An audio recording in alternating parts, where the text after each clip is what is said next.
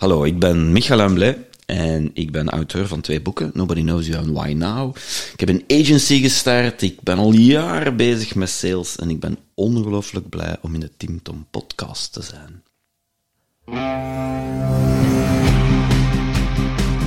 Welkom bij de Tim Tom Podcast. Ik ben Timothy. En ik ben Tom. Samen zijn wij jouw GPS naar geluk en succes.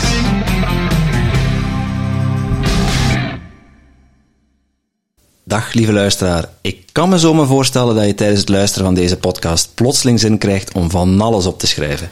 Wat zou jij nu werkelijk willen met al die inspiratie en al die inspirerende gasten? Maar dat is nogthans helemaal niet nodig. Oeh, dat is niet nodig. Hé, hey, kan ik dat niet allemaal niet onthouden? Ze? En uh, wie gaat dat opschrijven voor mij? De kaboutertjes misschien? Nee, maar dat hebben wij al voor jou gedaan. Surf naar www.timtompodcast.com en daar vind je een blog boordevol tips en wijze inzichten van onze gast. En als je er dan toch bent, download dan meteen ons gratis e-book vol boekentips, luistertips en nog meer inspiratie voor jouw persoonlijke groei. Dag lieve luisteraars. Ja, nu, nu hebben we wel weer een, een, een speciale gast, hè, Tom, want ik heb gezien dat, hij al, dat die, de, de, deze meneer al twee jaar op onze shortlist staat. Ja, maar twee de, jaar. Maar de plaatsjes zijn duur, hè. En uh, ja, nu, nu konden we niet meer. Wij echt op zijn knieën gezeten voor ons. Daar op dat event van Andy Nijs. Van toe, toe, wanneer is dat mij? En dacht, Michael, wat is goed, jongen. Je moet... Je moet... zijn. Waarom nu? Waarom nu? Vooruit dan maar. Ja. Vooruit dan maar. Nee, maar nee, ik heb... Ja, ik ken hem Michael... Gro groot leermeester van Andy Nijs. Uh, ja. Een van onze eerdere podcastgasten. En uh, ook van Peter Snauwaard. Peter Snauwaard had mij die naam al laten uh, vallen. Even opgezocht, maar dan op het event van Andy Nijs. Ja, heb ik hem daar even een performance in doen. En dan dacht ik, oh my god, ja, ik snap niet waarom dat we twee jaar gewacht hebben. Maar ja, alles is zijn reden. Dus, uh... Ik moet even in slaap gevallen zijn toen, denk ik. Want ik weet er niet zoveel meer van. Maar, uh, ja? Zonder die muziek. Daarom hadden we hem uit de podcast. Ja. Oké. Okay. Genoeg gezeverd. Yes. We gaan nog wat verder zeveren. Ja, als ik jullie onderwerpen zou wat bekijken, maar ik wil luisteren, dan gaan we echt wel in de, in de sales. Dan is de vraag, hoe hardcore gaan we in de sales gaan, of in de verkoop, of in de markt, of juist niet. Dat kan ook. Hè. Want ja? je weet, ik geloof fundamenteel dat gaat over vertrouwen. En hoe wekt het meest vertrouwen op? Dat is niet door eruit te zien als... We waren er juist aan het praten over die, die jonge, hevige verkopers met een schoon uurrek en schoon pakje. Ja, ik zie er zo niet uit. Ja, ja, ja, En, en, en ik geloof, als je echt, echt goed wilt overkomen en je wilt dat lang en duur volhouden, moet je eigenlijk juist er zo niet uitzien. Dus heel veel mensen die bij mij komen zeggen, maar Michael, ik zie er niet uit als een sales. Ik zeg, dat is goed. Je moet eruit zien als een expert. Als iemand die weet over wat hem spreekt, als zijn eigen. Ja, daar heb je veel gradaties in. En de Peter Snauwert zegt dat ook altijd, uw authentieke zelf. Maar ik vind dat een moeilijke. Want de meeste mensen dat ik ontmoet, die weten niet wat ze willen, maar ze weten wel wat ze niet willen zijn. Wat is dan uw authentieke zelf? En dan begint het natuurlijk. Ik geef u een heel praktisch voorbeeld. Je hebt me daar op het podium zien staan. Ik heb nog altijd de neiging als ik op het podium moet staan om zo een hemdje en een V-kraagsje aan te doen. Dat is met een battlesuit. Dan voel ik mij sterker en ik denk, ik ben neutraler. Terwijl als ik met mijn pulken, met mijn blij of zo, dan ozel dingen doe, dat is veel authentieker, maar dat is ook veel kwetsbaarder. Ik vind dat een hele moeilijke. Terwijl ik dat heel veel doe en, en allee, ik heb geen schrik van de dingen, maar toch denk ik daar soms serieus over na. Dat ik denk, zou ik dat nu doen? Ik, is dat dan een verschillende rol, verschillende energie dat je voelt? Als, als je, mij, dat pak ja, aandoet, zit in een heel andere energie dan ik dat... Ik heb twintig jaar echt sales gedaan, ja. in verschillende rollen. En dat was echt raar. Als ik een kostuum aandoe, dan ben ik veel strakker, veel scherper. Dat is een soort ja, battle dress, kan het niet anders zeggen. Dus een beetje een anker, zo, ja, soort NLP, zo ja, van, en dat werkt, je doet dat aan, ook pak. Een hemd, een hemd is dat wat strakker en een vest, je, je, je, je, je, ja, je beweegt daarnaar. Ja, je kleed, het kleedt ja. af en... en dat is waar, hè? Je bewegingsruimte is toch iets minder in, in een kostuum dan in, dan in een joggingsbroek. En je doet een schoen aan met een hak of zo, die takt. En ik ben dan een fiere man, dus ik maak graag een keer lawaai. Ik vind dat niet erg. Ik ben daar, hè. tak, tak, hier sta ik. Ja, als je dan met sneakertjes en een pulken en dan zetten ze zo anoniem. Probeer het maar eens, hè. Probeer maar eens met, met, je, met, met je kostuum aan om met je ja. schouders naar voren zo wat ingezakt te zitten. Ja. Dat gaat niet, hè. Nu. Dus je moet mooi rechtop zitten en blinken. Dus ik word uitgenodigd op het Unizo topseminar om me een boek voor te stellen. 850 man Koningin Elisabethzaal helemaal vol. Ik kan u zeggen, dat is indrukwekkend, zeker als alle lampjes aangaan al dingen. Dus ik zeg aan mijn vrouw, maar zeg ik, ja, ik ga je kostuum aan doen, dan kan ik je dat toch niet maken, allemaal ondernemers zitten dat. En zegt, nee, nee, zegt ze, zijn ik je eigen, doe ik je gewoon een goesting.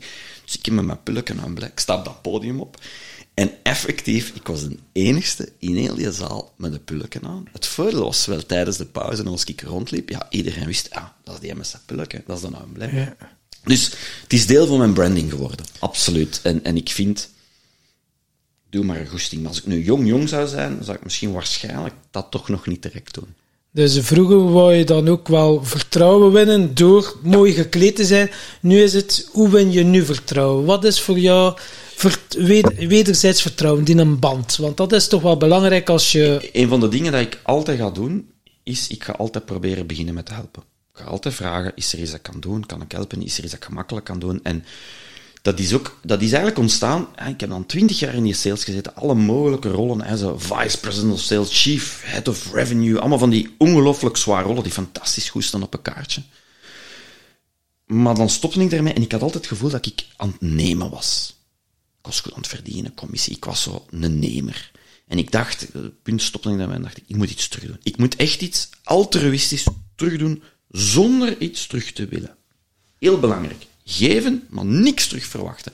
En zo ben ik eigenlijk start-ups gaan helpen en gratis en, en doen. En ze dan business geworden en ze dan een beetje naar tand gelopen. Maar ik heb dan nog altijd, was ik, ook als ik jullie tegenkwam, dat ik zei, wacht, ik denk aan jullie podcast. Hoe zou dat nu eigenlijk, hoe zou ik dat nu aanpakken in nullen plaats?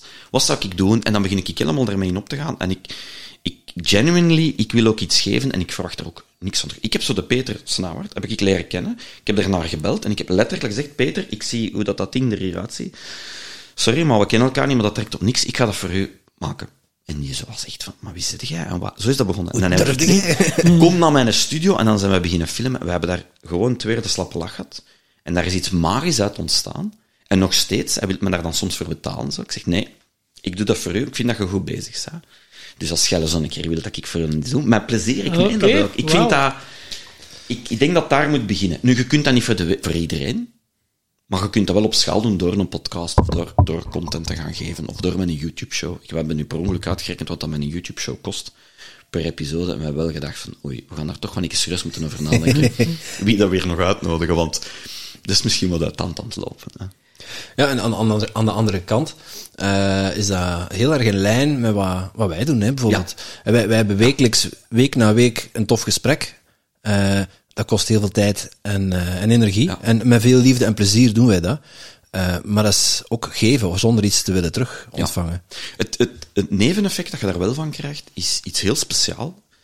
Um, je kunt na een tijd eigenlijk naar eender wie bijna bellen. Ook de meest, uw helden kunt je bellen en die reageren. Ja. Uh, zo heb ik dat gehad met Stefan Bellingen op een dag, heb ik dacht, ik ga die gewoon eens een mail sturen. Ik was dat toen, ik zat in een podium zien staan een paar jaar geleden, dacht, maar die gast, die, die weet niet hoe dat, dat moet. Ik had die gewoon een mail gestuurd, out of nowhere, gezegd, hey, ik ben een boek aan het schrijven met een eerste, moet ik dat in het Engels of in het Nederlands doen? Zo, dat that's it. En die gast, die Steven, die heeft mij een mail teruggestuurd, en een A4, vol met advies, dat ik echt dacht, wauw, zo wil ik zijn eigenlijk. Dus als iemand mij zo'n vraag stelt, als het gaat en het is niet te druk en zo, dan ga ik dat effectief ook doen. Ik vind dat fantastisch. En uw antwoord stond er niet in? Jawel, en ja, hij heeft, ja, hij heeft heel subtiel, hij heeft niet gezegd wat ik moest doen. Dat vond ik wel goed. Ik heb zo de neiging, als iemand mij advies vraagt, om te zeggen, ik zou dit doen. Want eigenlijk als iemand advies vraagt, zeg dat je het niet weet. Dus eigenlijk wilde dat iemand een keuze maakt, een zwarte of een witte. Mm. Maar de mensen doen dat niet graag. Maar ik doe dat dus wel. Ik zeg dan, kijk, dat zijn de opties ik zou nu vooral dat doen, maar we doen nog altijd wat je wilt. Mm. Maar ik ga soms bewust eens een keuze maken. Omdat ik vind dat je advies vraagt, ja, dan moet je toch iets zeggen. Je kunt dat toch niet altijd wollig blijven van, ja, je zou kunnen, maar alles kan. Nee, nee. Je hebt ervaring, in mijn context zou ik dat doen, uw context is anders. Trek je plan, doe er een ding mee. Ja, en, daar dan ook oké mee zijn. Ja. Heel veel mensen die geven, geven een advies uh, met de edele hoop dat die andere persoon die ze geadviseerd hebben, dat die dat opvolgt die, dat bijna, die dat bijna afdwingen. Maar als ik jou zo hoor, dan maakt het helemaal niet uit. Je, je geeft met veel plezier Ik heb dan een tijd veel gedaan dat ik zoiets bekeek, een website of, of, of een, een, ondernemer of zo iemand die een personal brand had, dat ik dacht, amai, dat is goed, maar als ze nu dat zou doen, dat zou nog bezig zijn. Ik stuurde in de mail. Zeg, ik heb eens naar een website gezien, als je dat en dat en dat zou aanpassen, of je zou dit doen. En ik heb toch af en toe ook mensen die echt geantwoord hebben van, hé, hey, wie zit jij? Laat me een keer gerust. En ik ben er een beetje mee gestopt om zo echt totaal spontaan mensen te attackeren. Alleen niet te attackeren, maar zo wel te zeggen, ik zou dat of dat doen. Dus Dan noemen ze, dan noemen ze spam, hè? Dan noemen ze spam. nu, ik moet zeggen, ik krijg zo... Ik heb gisteren een post gedaan. Ik, eh, ik, eh, ik moet boeken gaan tekenen in de FNAC. hè. In FNAC in Leuven. Dat was zo... Dat is echt, iets gra- dat is echt grappig, hè, mannen. Dus... Je schrijft een, ik kom uit de, uit de nest, uit de kunstenaarsfamilie. Mijn vader was een directeur van de kunstacademie. En we hadden altijd vol, die verkocht schilderijen, dus altijd volk in huis. En boeken, dat was het heilige graal. Die had ook een, een reeksje, dat had zo'n heel hoge boekenkast, en die had daar een reeksje in gemaakt met allemaal boeken. En had tegen mij gezegd, als ik 15 was, of 14, zie je die rijder staan, die moet je nooit niet lezen. Slimme vader, want wat doe je dan als 15-jarige? Ja. Gepakt ten eerste.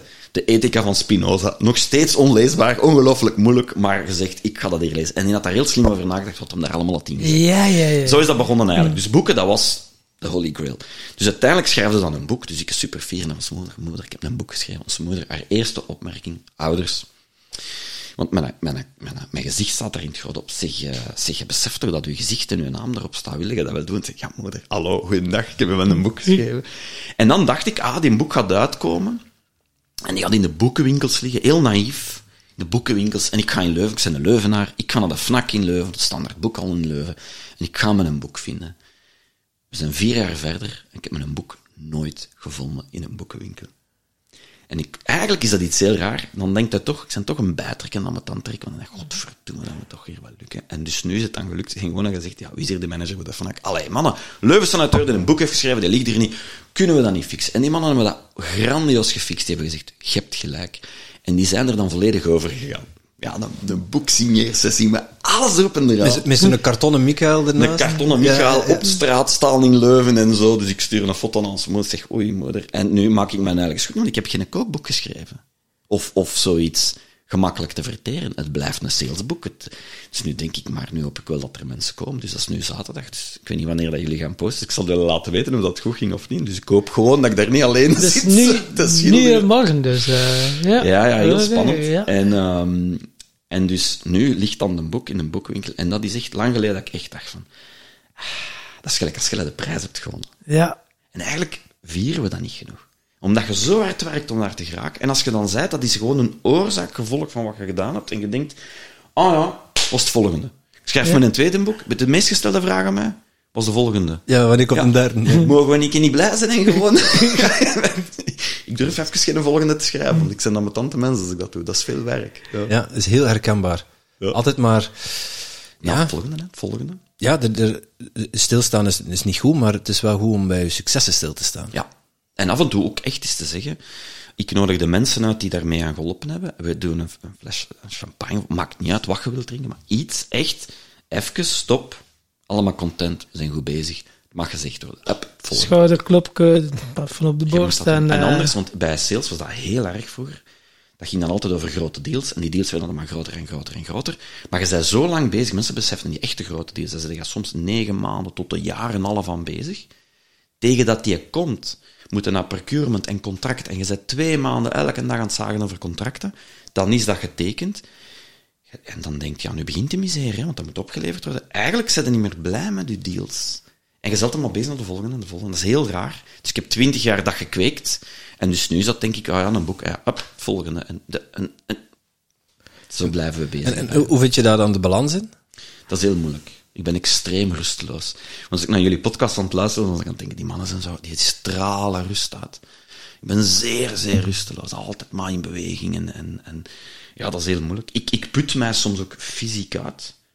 Zo gaan mountainbiken of gaan surfen of iets, iets echt dat ik moet afzien, omdat dan mijn geest stopt. Even. Dan heb ik even rust. En dan ben ik fysiek moe. Dan zit ik in de zetel en denk ik... En dan die kinderen. En oh, dan is dat terug. En is u nooit eh, symptomen van burn-out gehad? Dat het universum zoiets had van eh, Michael Maat, eh Michael, we zullen als jij niet wilt rusten, Wel. zullen we er een keer voor zorgen dat Ik heb je jullie even... daarover bezig gehoord. En ik heb mensen die zeggen, zouden niet oppassen, zouden niet oppassen. Ehm, ik heb ook de eerste keer gedacht, vorige maand, zou ik nu eigenlijk ADHD hebben? Want ik ben wel nogal een eeuwig beest. Hè? En ik dacht, oei. Ik heb dat nooit gehad. Ik heb daar wel schrik voor dat, dat ik op een dag eh, in mijn bed lig en zeg, blijf liggen. Ik heb daar echt wel schrik voor. Dus ik denk daar soms wel over na. Wat ik wel merk, is dat mijn lichaam op een bepaald punt echt op de rem gaat staan. Dus ik krijg ineens zo ja, zerkens en, en, en, en, en dat lijf dat zegt zo ineens van oké, nee, nu gaat even, even stoppen. Maar wat doe je dan? Twee dagen even kalm. Ah, maar je, je, je neemt wel gas terug. Heel even. Ja, Ja. ja. Want En ook het, is, met- het is daar dat de meeste mensen doorgaan. Ja. ja, dus ergens zal er een beveiligingsmechanisme zijn. Pas op, ik ben er echt wel soms over aan het nadenken. Bij u werkt dat nog, hè? Ja, maar ik kan me inbeelden als je dat niet hebt en je gaat maar door en door en door. En dat je echt, ik kan me dat echt inbeelden dat je op een dag zegt. Maar ik doe ook heel veel dingen tegelijk. En, en, en dat is zo typisch als je een firma hebt. Allee, allee, als nu jullie als het podcastverhaal is en dan gaat het een prijs, dan gaat het volgen en je begint dat uit te bouwen, uit te bouwen. En, en dan, ja, dat is altijd, ja, dat- ik vind dat heel. Je moet ook soms stilstaan, wat doe ik nu niet graag in wat ik hiermee aan het doen ben. Ik heb nu, ik ben beginnen filmpjes maken. Ik kwam met een YouTube-show. Ik had de Gary Vee ontmoet. Ik had de Gary Vee gezien. En ik was zwaar onder de indruk van hoe dat hij op het podium stond.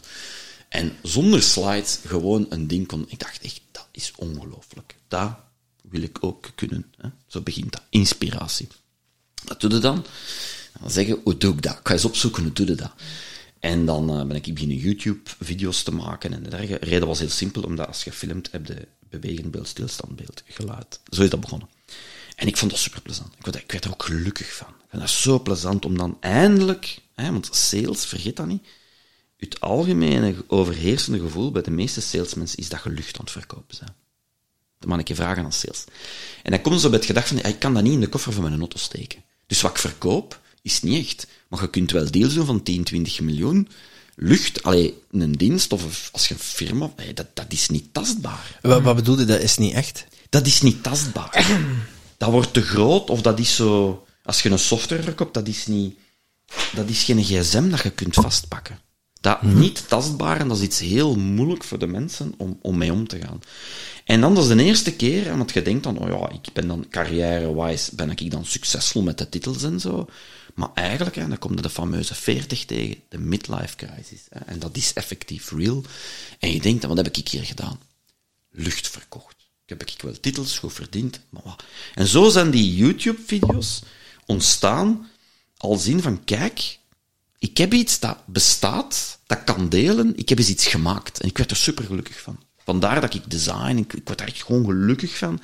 Ook als ik voor iemand anders iets moet maken, omdat ik eindelijk iets kan aanraken. En, zie Het resultaat is zichtbaar, tastbaar. Ja, tastbaarheid. En een van de dingen dat ik in mijn nieuwe boek ook uitgebreid uitleg in een hoofdstuk is van, als jij een dienst aanbiedt, bijvoorbeeld healing of zo, om mensen dat te laten vertrouwen, moet je dat proberen tastbaar voor te stellen.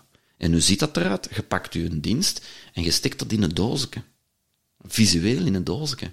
Mensen gaan dat sneller kopen, sneller vertrouwen, omdat dat tastbaar is. Vandaar dat ik heel veel werk op websites of papiertjes met schaduw. Er is over nadenken. Als jij een tekening ziet, er staat een beetje schaduw achter.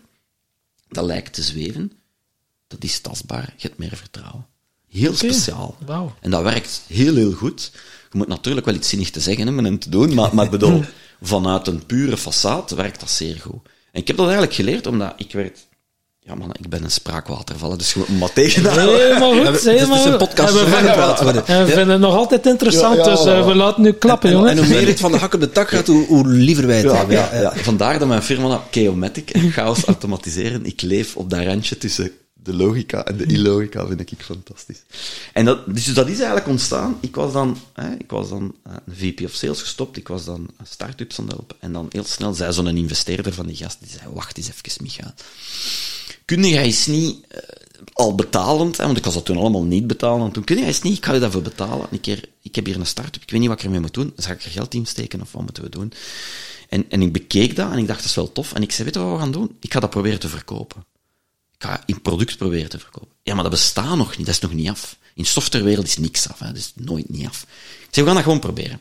Ik zeg, ik ga dat verkopen, probeer daar hè, 50, 100.000 euro voor te krijgen en we bouwen dat gewoon met, met dat geld. En effectief, die hadden niks. Die hadden een idee, in een visual, en dan heb ik daar een hele website van gemaakt, heel dat product in, en helemaal uitgelegd, en we hebben effectief één, product kunnen verkopen, maar ik had ook wel tegen die mensen eerlijk gezegd, Het Dat is is een nog een ontwikkelingsfase. Ja, ja. ja, want ik wist, als ik nu begin te verkopen, ben ik toch negen maanden bezig tegen dan. Hè? En toen heb ik heel veel geleerd hoe dat je iets kunt uitleggen zonder dat het, dat het is. Gezichten, schaduw, doosjes. Kijk naar alle goeroes. Een Tony Robbins. Moet maar een keer goed kijken wat op die website staat. al die lessen en al die, al die dingen, dat zijn doosjes, Ja, het zijn voorverpakte DVD. boekjes Ja, of- ja, of- boekjes. Het ziet eruit als een dvd of, of een... Ja. Het, ja, het, het ziet eruit als, als iets. Dat komt eigenlijk van de, PDF. de ja. eerste gazettekes en de eerste reclametjes voor medicijnen en zo, doosjes, en dat is eigenlijk daar gewoon getransponeerd naar nu. Gewoon Dus, het eh, tastbare, dat mensen en dus, eh, dan kunnen dat snappen in uw mind waarschijnlijk. Want, Ja. want heel veel ja, diensten aanbieden van een persoonlijk groeitraject, ja, mensen kunnen er niets bij voorstellen. Dat is hetzelfde met, met geld. Dus als je zegt, ik, het beste voordeel is, ik, ik ging een huis kopen. En, en eh, als je een huis koopt, dat gaat zo nogal snel. Allee, je hebt een huis gebouwd, we zitten hier in een pasgebouwd huis. Dan gaat dat zo nogal snel, die bedragen, dat loopt nogal snel uit tand. Zo. En, en dat gaat nogal heel Ja, vlug. ja. En zo, dan een keer 10.000 euro bij en af, dat, is zo nogal, dat gaat nogal vlot. En aan een tijd, dat is zo wat moeilijk, want je hebt geen grip op dat bedrag. Ehm, en dan ga je ergens een koffie drinken, hier in het lokaal caféetje. En die gasten vragen 7 euro voor een koffie. Als je een Starbucks een koffie gaat drinken, 8 euro en of een stoeme koffie, dat geef je normaal, pak 3,5 euro. Maar beeld je naar de lokaal caféetje, 8 euro en half koffie vraagt. Dan zeg je, dat zot, en wat pijnzen. Dat is omdat je dat kunt bevatten en aanraken en je weet wat dat is. Maar jij weet niet wat dat is als je over een miljoen of twee miljoen bezig bent. En dat is een, effect dat ik heel veel zie in sales ook. Als je bijvoorbeeld komt een firma bij mij en die zegt, ah, we hebben een model gemaakt en wij gaan bijvoorbeeld, ik zeg maar iets, hè, ik geef nu een heel extreem voorbeeld, een, een echt gebeurd voorbeeld. Ik kom mannen tegen en die hebben een machine uitgevonden, als je een buik hebt en die ligt open bij een operatie, hebben die machine uitgevonden dat dat automatisch dichtnaait. En ik zeg, oké, en, wa- en waarom eigenlijk? Omdat elke chirurg, als jij een operatie doet, sommige operaties duren 6 uur, 8 uur, 10 uur, die zijn eigenlijk moe. Want het grote, hè, de grote loodgieterij is gebeurd, ik zal het zo zeggen. En dan die een buik dicht, nou, ah, dat, ja, moet gebeuren. Maar eigenlijk, wij als mens, wat zien wij? Dat is alleen die een buik. Dus die chirurg is moe en er gebeuren heel veel fouten. Daardoor, dat wordt dan ook meestal door de stagiairs gedaan. En, en al die verhalen van een stukje, hè, zo noemen ze dat, zo'n tampon vergeten in Ja. een buik, of een scharen, zo, dat komt omdat die gewoon moe zijn. Dus die zeggen, gasten zeggen, we lossen dat op. Er zijn zoveel eh, accidenten die gebeuren, er gaan er zoveel dood in de wereld daardoor. Dus we hebben onze, onze robot, je zet dat erop, dan naait dat perfecto. En dat werkte in die pitch. Ik zeg, dat is toch logisch dat dat niet werkt? Als ik een, een, een, chirurg ben in de Gastensberg in Leuven, Leuven is een dorp, dan, en jij komt naar mij en je zegt, wereldwijd gaan er een miljoen en een half mensen dood door dit en dat, dat zegt mij niks. Maar als je zegt, in België, gemiddeld in de ziekenhuizen, heb je 8% van de mensen die de rest van hun leven sukkelen daardoor, en dat is een impact op uw ziekenhuis is X, dan schiet je wakker en die doet direct iets. Dat is hetzelfde effect. Je maakt van iets groot, maakt iets klein en je maakt dat tastbaar, dat dat te vatten is voor die mens dat voor u zit. Ja, ja, je laat het dan vatten op zijn niveau dan Ik zie hem ook. er gewoon gelukkig van worden. Ja, ja, ja. Spijtig dat hier geen beeld is. Ik zie je zo denken, ah, Michael, Doe het toch. Doe maar toch. Maar dat is, Zo hè. simpel. Zo simpel is het. Ja? Heel veel is ook heel, echt, ik noem het altijd gezond boerenverstand. En vandaar dat ik heel goed ben in zo bijvoorbeeld, en dan komt ze af met salesverhaal. Ik ben heel goed in zo iets bekijken en dan zeggen, ik zal dat anders vertellen, ik zal dat zo en zo vertellen. En dan zeggen ze, ja, maar Michael, ik heb, ik heb nog niet eens alles uitgelegd en gedaan. Ik zeg, en dat moet je juist niet doen. Want hoe meer details dat je mij geeft, hoe meer dat je mij besmet met hoe fantastisch het is, dan kan ik je dat niet meer eenvoudig uitleggen. En je wilt, wat doen alle sales verkeerd, te veel uitleggen. Als de wereld voor uw oplossing een chaos is, en druk is en moeilijk is, moet de wereld na uw oplossing eenvoudig en zijn en rust geven. Een shortcut.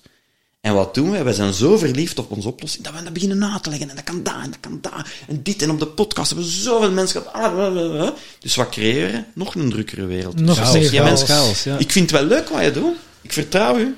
Maar niet vandaag. En die gaat achteruit. Dus jij moet altijd denken, fundamenteel wat ik ook aanbied, wat het ook is, het is een ontzorging, het is een shortcut. Ik ga die mens helpen omdat hem zelf geen tijd heeft. Dus ik moet een hele eenvoudige wereld tonen. De twee, drie stappen. By the way, die, al die modellen, je moet maar eens goed kijken naar al die goeroes, al die modellen hebben drie of vijf stappen. Dat is altijd oneven. omdat dat beter visueel is. En wij mensen vinden dat plezant. Dat moet niet even zijn, dat moet oneven zijn. Ah, Met een boek staat er eerder bladzijden over waarom dat, dat is en zo, maar eigenlijk onthoudt gewoon drie of vijf. Drie of Voilà. vijf. En eh, over vertrouwen. Dus je zei iets doen voor, voor iemand zonder iets terug te geven. Hè? Dus advies of zo Ja. geven. Wat doe je nog meer om echt zo die vertrouwensrelatie echt wel op punt te hebben? Om dan... probeer ook echt mijn eigen meer en meer te zijn. Vroeger was ik een opgekuiste versie van de Michael. Nu probeer ik ook echt mijn eigen te zijn, door ook echt mijn gedachten te zeggen. En ook het conflict op een vriendelijke manier aan te gaan. Omdat ik gemerkt heb, bijvoorbeeld typisch CEO's, is dat iedereen wel snel gemakkelijk naar de mond praat. Je ziet dat ook met gekende mensen. In ah, ja. Maar eigenlijk zijn die alleen maar geïnteresseerd in ook iets bij te leren en een beetje weerstand en zo van. oh, Dus het is oké om een beetje te wringen. Het is ook oké om je expertise te durven zeggen, ja, dat kan wel waar zijn, maar ik denk toch dat ik het anders zou doen. En, en dat werkt zeer goed. Dat is ook een model van, hè, hoe noemen ze dat, een modus operandi geworden, een model van, van echt te zeggen van, ja, ik zou het toch anders doen. Dat wil niet zeggen dat ik altijd gelijk heb. Soms zeggen die mensen ook, denk ik niet, en daarom zeg ik, ah, waarom niet? En dan leer ik iets bij.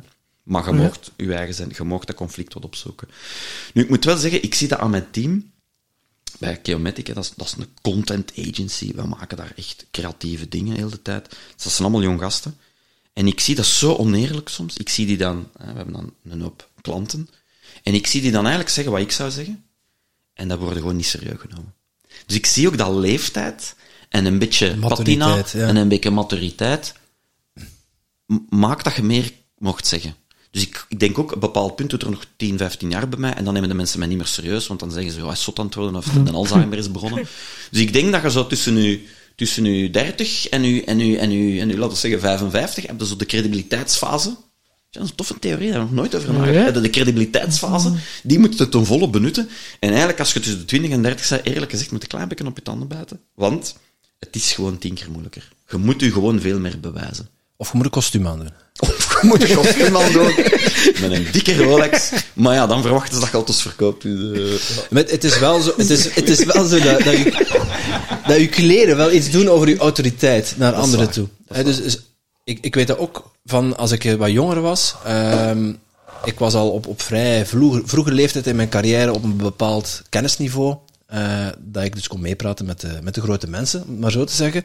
En ik had nog iets zinnigs te zeggen ook. Alleen, ik werd gewoon niet serieus genomen omdat ik er zo jong uitzag. Ja. Maar als ik een kostuum aan had, en ik moest voor een, voor een eh, vergadertafel iets uitleggen, dan werd dat veel makkelijker ontvangen dan als ik daar in mijn gewone kloffie zat. Nu is dat niet meer nodig. nee.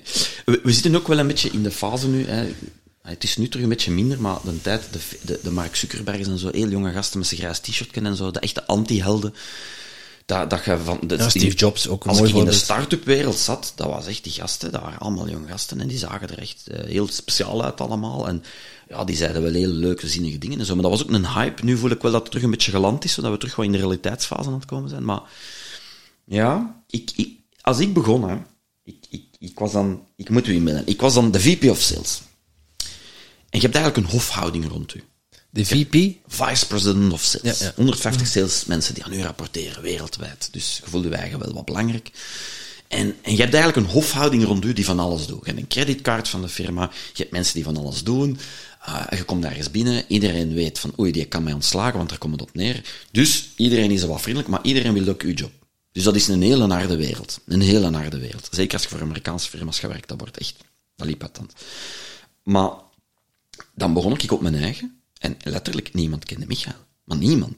Dus ik stond in België, ik heb dat gedaan en dat gedaan. En al die startups zeiden, ja, ik weet niet eens, hè, wat is dan een VP? Die, allee, dat is eigenlijk heel, heel verfrissend. Hè? En ik dacht, pff.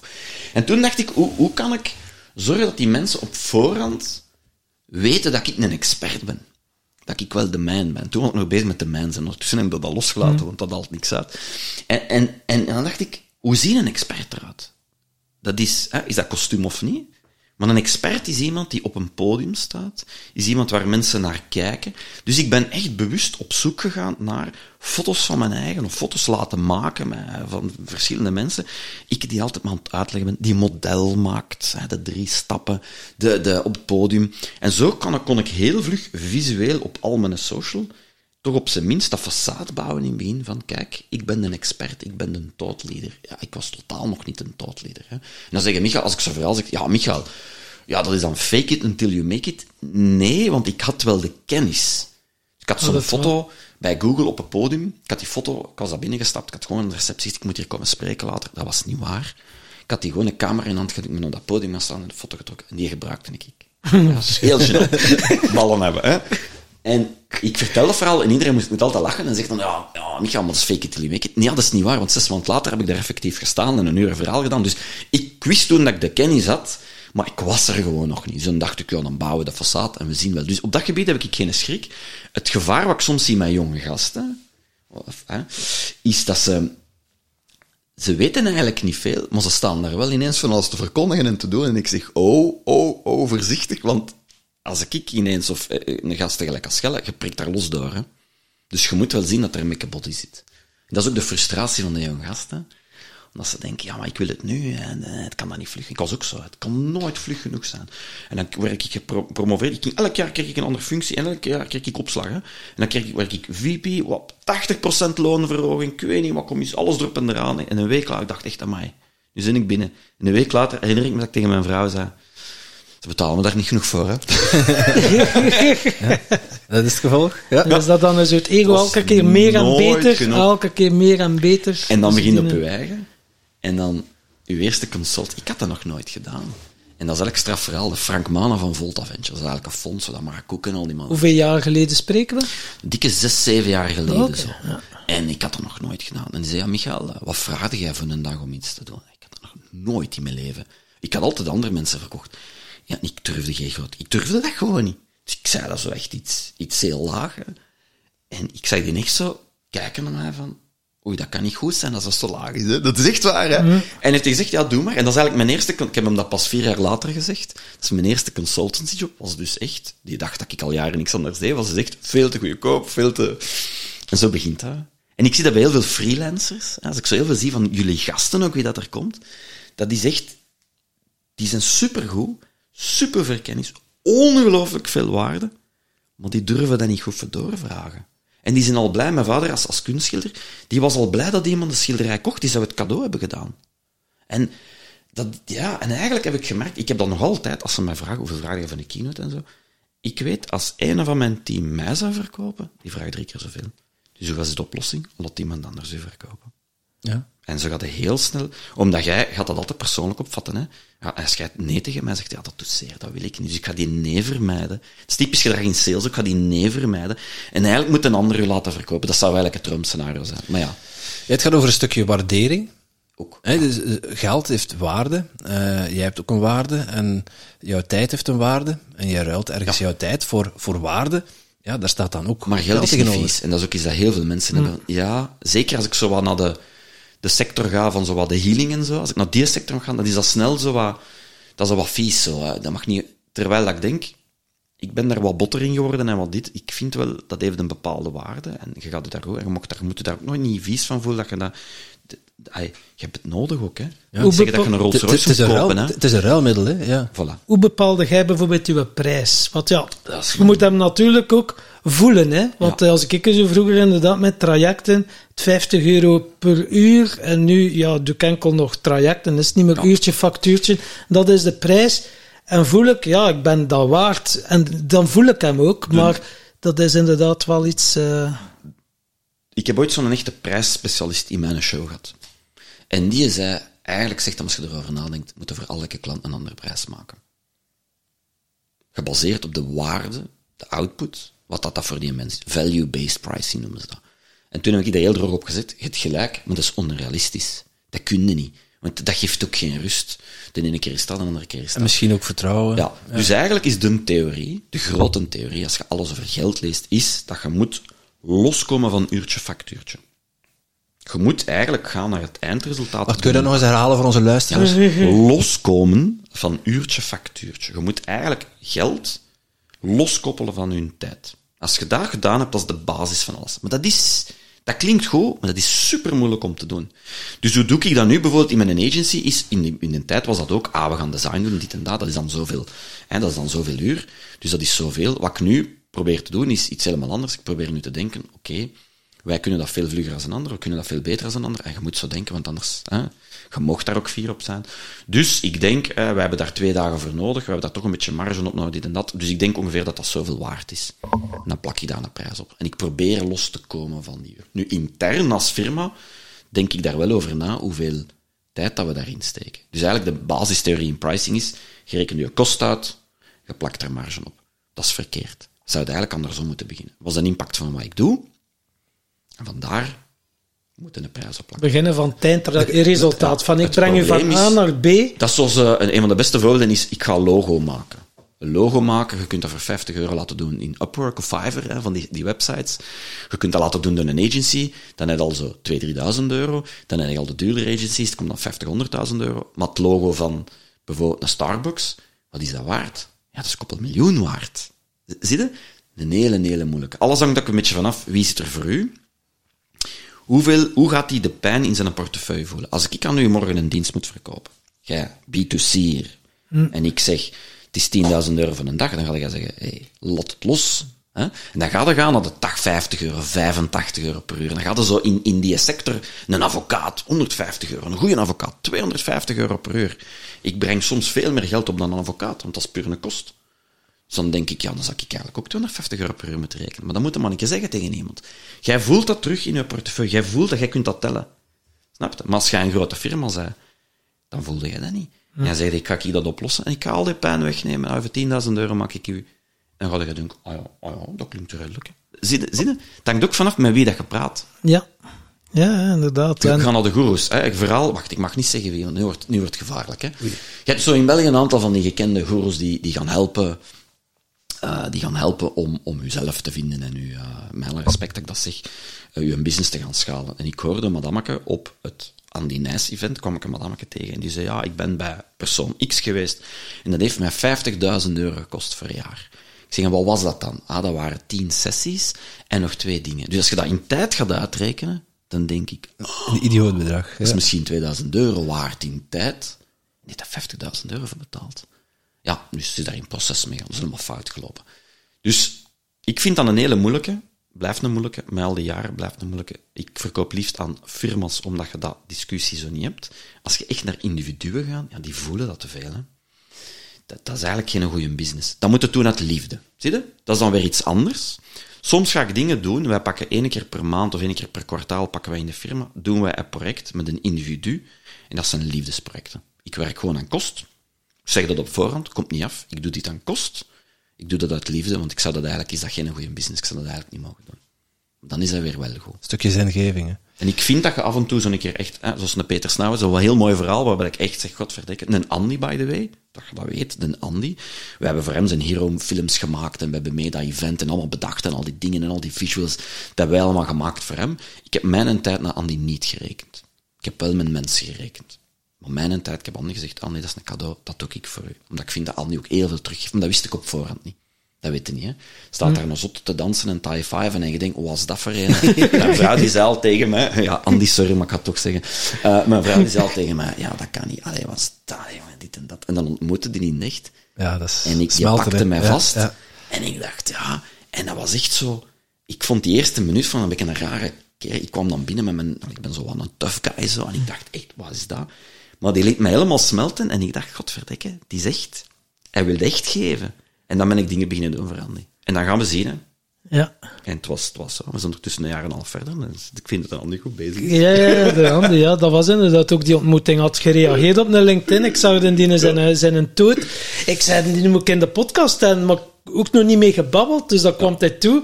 Dan spreekt hij zijn eerste woord.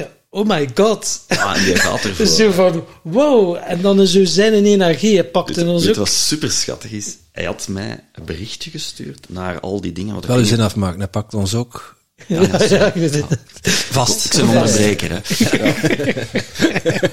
Dat past in het rusteloze. Hè. Dat moet vooruit gaan. Hè. Ik ben mee. Eh, ja. Maar ik had hem, hij, had, hij had dan alles gedaan. En dan eh, wat, ook tot twee toffe dingen.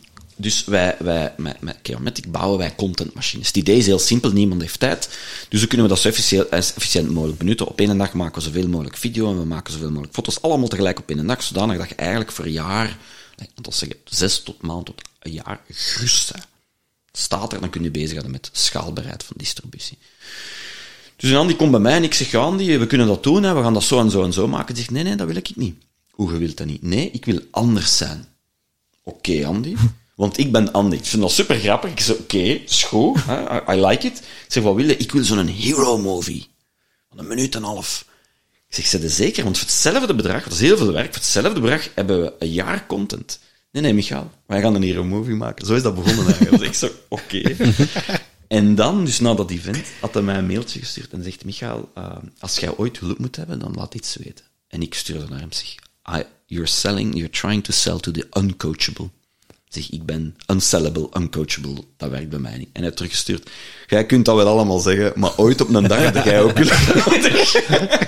en ik heb zo Andy het gelijk. Maar niet vandaag. dat is waar. Oké, okay, dus uh, vertrouwen. We waren nog altijd bij het vertrouwen ja, ook. Hè? Dus uh, uw leeftijd is ook niet onbelangrijk. Iets doen zonder terug te geven. Zijn er nog eens zo dingen dat je zegt voor uh, een vertrouwensrelatie op te bouwen? Uzelf zijn? Uzelf zijn, ja. Ik ben aan het denken. Allee, sales technisch zijn er ongelooflijk veel dingen dat je kunt doen.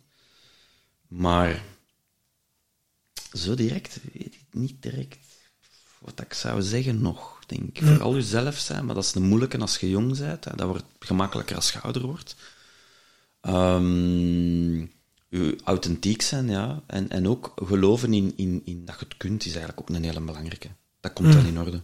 Ja. ja. Dat is nu aan ozel, dat is wel wollig, maar dat is eigenlijk wel. Zo. Dus dat is dat, ja, het uitstralen. Ook ja. die vibratie van dat je weet over wat dat je praat. U, en ook dat ja. je gelooft in het product of in je dienst ja. van gast. Ik breng je van A naar B, maar je hoeft er ook niet aan te twijfelen. En als je intuïtief voelt dat het niet klopt, dan klopt het niet. Dan ben ik echt, pas rond mijn veertigste, heb ik beginnen durven toegeven aan mijn eigen zelf soms van, er zit er iets niet juist. Dat klopt hier niet, het stinkt. Of de... Mijn vrouw is extreem... Uh, die kan iemand bekijken en op een seconde heeft zo'n intuïtief, extreem, heel polariserend zwart-wit van, die kunnen niet vertrouwen. Maar direct, hè, dat is ja of nee. Bah, Mijn partner heeft dat ook. Te vlug. En ik maak daar veel ruzie over. en ja, dan, en, en, je zegt, zeg het niet hardop, maar zeg het wel, godverdomme, elke keer gelijk. Ja, ja, ja. Dus dat is als ik mensen aanneem en zo, dat stom. Ja. Ik laat die even bellen of zo, even. Gewoon, hè, en dan kan die zo van haar oor maken. En dan zoek ik dat met ruzie te maken. En dan denk ik, doe me, dan zit gelijk. Ja, maar de sales die zijn waarschijnlijk ook wel veranderd. Bij ja, vroeger en nu. Als ik even, want ik denk ook ja. dat jij zo iemand zei, jij, je zit ook direct. Ik ben heel intuïtief. Je vertrouwt iemand, je gaat iemand vastpakken, je gaat dat snel hebben waarschijnlijk. Ja. Ik, ik zie snel graag de wereld. Ik zie snel graag iedereen. Ik kan ook met iedereen om. Ja. Maar dat wil niet zeggen dat ik in mijn vrije tijd mijn tijd ga doen. Nee, zie je het verschil? Nee, nee, dus ik, ik ben very likable en tof en, en kan alles aan. Ook ben langs met, een man, met, met een hoop mannen gaan skiën en dat was super plezant. Met, met zes gasten het kot afgebroken en gedaan. Maar dat wil niet zeggen, er zit er één of twee tussen dat ik soms denk, allee, ik zie ze, ik zie ze doodgaan, maar ik ga daar mijn vrije tijd niet mee ombrengen. Ja, nee, verschil, maar, maar ja. zelfs, uh, zelfs als je een goede connectie hebt met iemand, uh, kun je intuïtief nog altijd voelen van, dit is niet, op dit moment niet de juiste persoon voor mij om mee samen te werken of om iets te doen. Of. En ja, ik voel dat heel hard. Ik voel dat van nature. Ja. En ik moet zeggen, als ik erover nadenk, mijn gevoel heeft mij ook nog nooit... Ik heb wel al vaak mijn gevoel verlogend, maar mijn gevoel heeft mij nog nooit bedrogen. Daarin. Ja. Je krijgt ook wel harde lessen van het leven. Zo in training en coachingstrajecten is, denkt je, ja, de klant is een klant, maakt niet uit. Ja, maat, ik heb dat al zo één of twee keer gedaan. Ik liep erop leeg en ik wist het eigenlijk ja. al van in het begin. Ik hoef dat je niet te doen, maar ja, dan denkt je, ja, het is wel een mooi inkomen.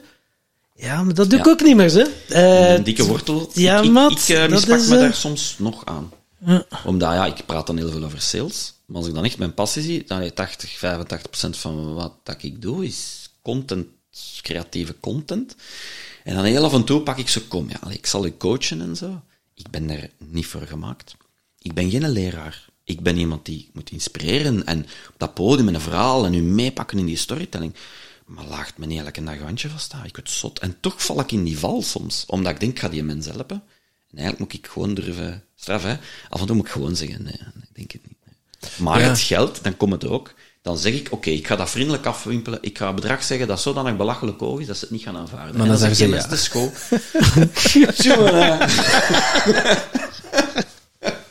En dan is de kracht om te zeggen, ja, eigenlijk... Eigenlijk moet het dan zeggen. Ja. Nee. En hoe ben jij eigenlijk in die sales gerold? Was al als al klein manneken op school van, eh, ja, Nee, of waren nee, je al dus- van je tien jaar bezig, gelijk Amy dat is- zo, die al... eh, Ja, dat is zo de klassieke verhalen, zo, dat had ik totaal niet. Maar echt niet, niks. Dus ik ben groot geworden in... mijn vader was aan een kunstschilder, dus daar, dan zag ik de hele tijd mensen en die was het verkoop en ik haatte het gewoon. We hadden altijd volk in huis. Achteraf bezien is dat wel heel tof, maar nu denk ik... allee, toen was dat... Dat was te weinig aandacht voor mij en, en pas op, ik had super lieve ouders en... En ik haatte het gewoon. En dan heb ik gaan naar school en ik was altijd een vlotte babbelaar. Altijd een hele vlotte babbelaar. En dan heb ik communicatie gedaan. Eerst biologie. Een jaar, dat was te veel wiskunde. Dus vandaar carrière in sales, maar we moeten niet kunnen rekenen. Je moet gewoon goed marge kunnen pakken. Hè? 1 plus 1 is 3, yes. Ja, oh, lassen, oh, lassen. Gewoon marge pakken. Ik heb ooit zo eens een interview gedaan, dat was echt waar. Ik moest daar zitten. En die gast kwam binnen, ik was toen ook 21 of zo. En die was zo een hele, hij vond zijn eigen heel belangrijk. Ja, Michael, eh, om te weten of dat je in sales zit, dan gaan we toch een kleine oefening doen. Ja. En wat is 1000 maal 2? Eh, maar ik had nog niet, eh, 1000 maal 2, oké. Maal 3, oké, ik pak daar 30% marge op. Eh, dat doe ik maal 2. En dan, ehm, dan eh, gaan we er nog een keer omzetten naar de euro, dat is maal 1,3.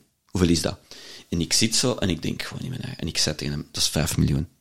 En die zo, dat is zo compleet neffens, dat is veel te veel. Ik zeg, nee, nee, ik heb marge gepakt. En hij heeft gezegd, en zei hij zo, en die is keihard beginnen lachen en zegt zo, jij gaat in de sales beginnen, ik ga een contract. Zo heb ik mijn eerste job eigenlijk. Oh my Zo, god. Gewoon omdat ik dacht, ja. En dan ehm, heb ik eerst in de marketing gewerkt en toen had ik de hele tijd het gevoel, events, event. We zijn lucht aan het verkopen. Ik besefte niet dat experience geen lucht is. Toen, maar Nee, toen dacht ik, ja. voilà, dus nu doe ik ook heel veel events. Hè. En, en ik dacht, ja, dat is hier. En dat was zo'n CEO, dat was echt een foufelair en dat was hustelen en hij had nooit gegeld. En dat was eigenlijk, eigenlijk was dat echt een, het randje van een bedrieger. Allee, ondertussen zal het dan wel gebeterd zijn, maar toen was dat niet te doen. En dan heb ik gewoon gesolliciteerd, was ergens accountmanager. Ik dacht, ah, ik ga accountmanager, wat het ook mogen zijn.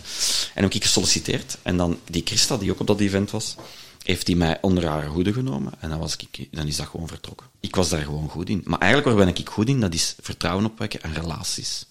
Mensen, babbelen.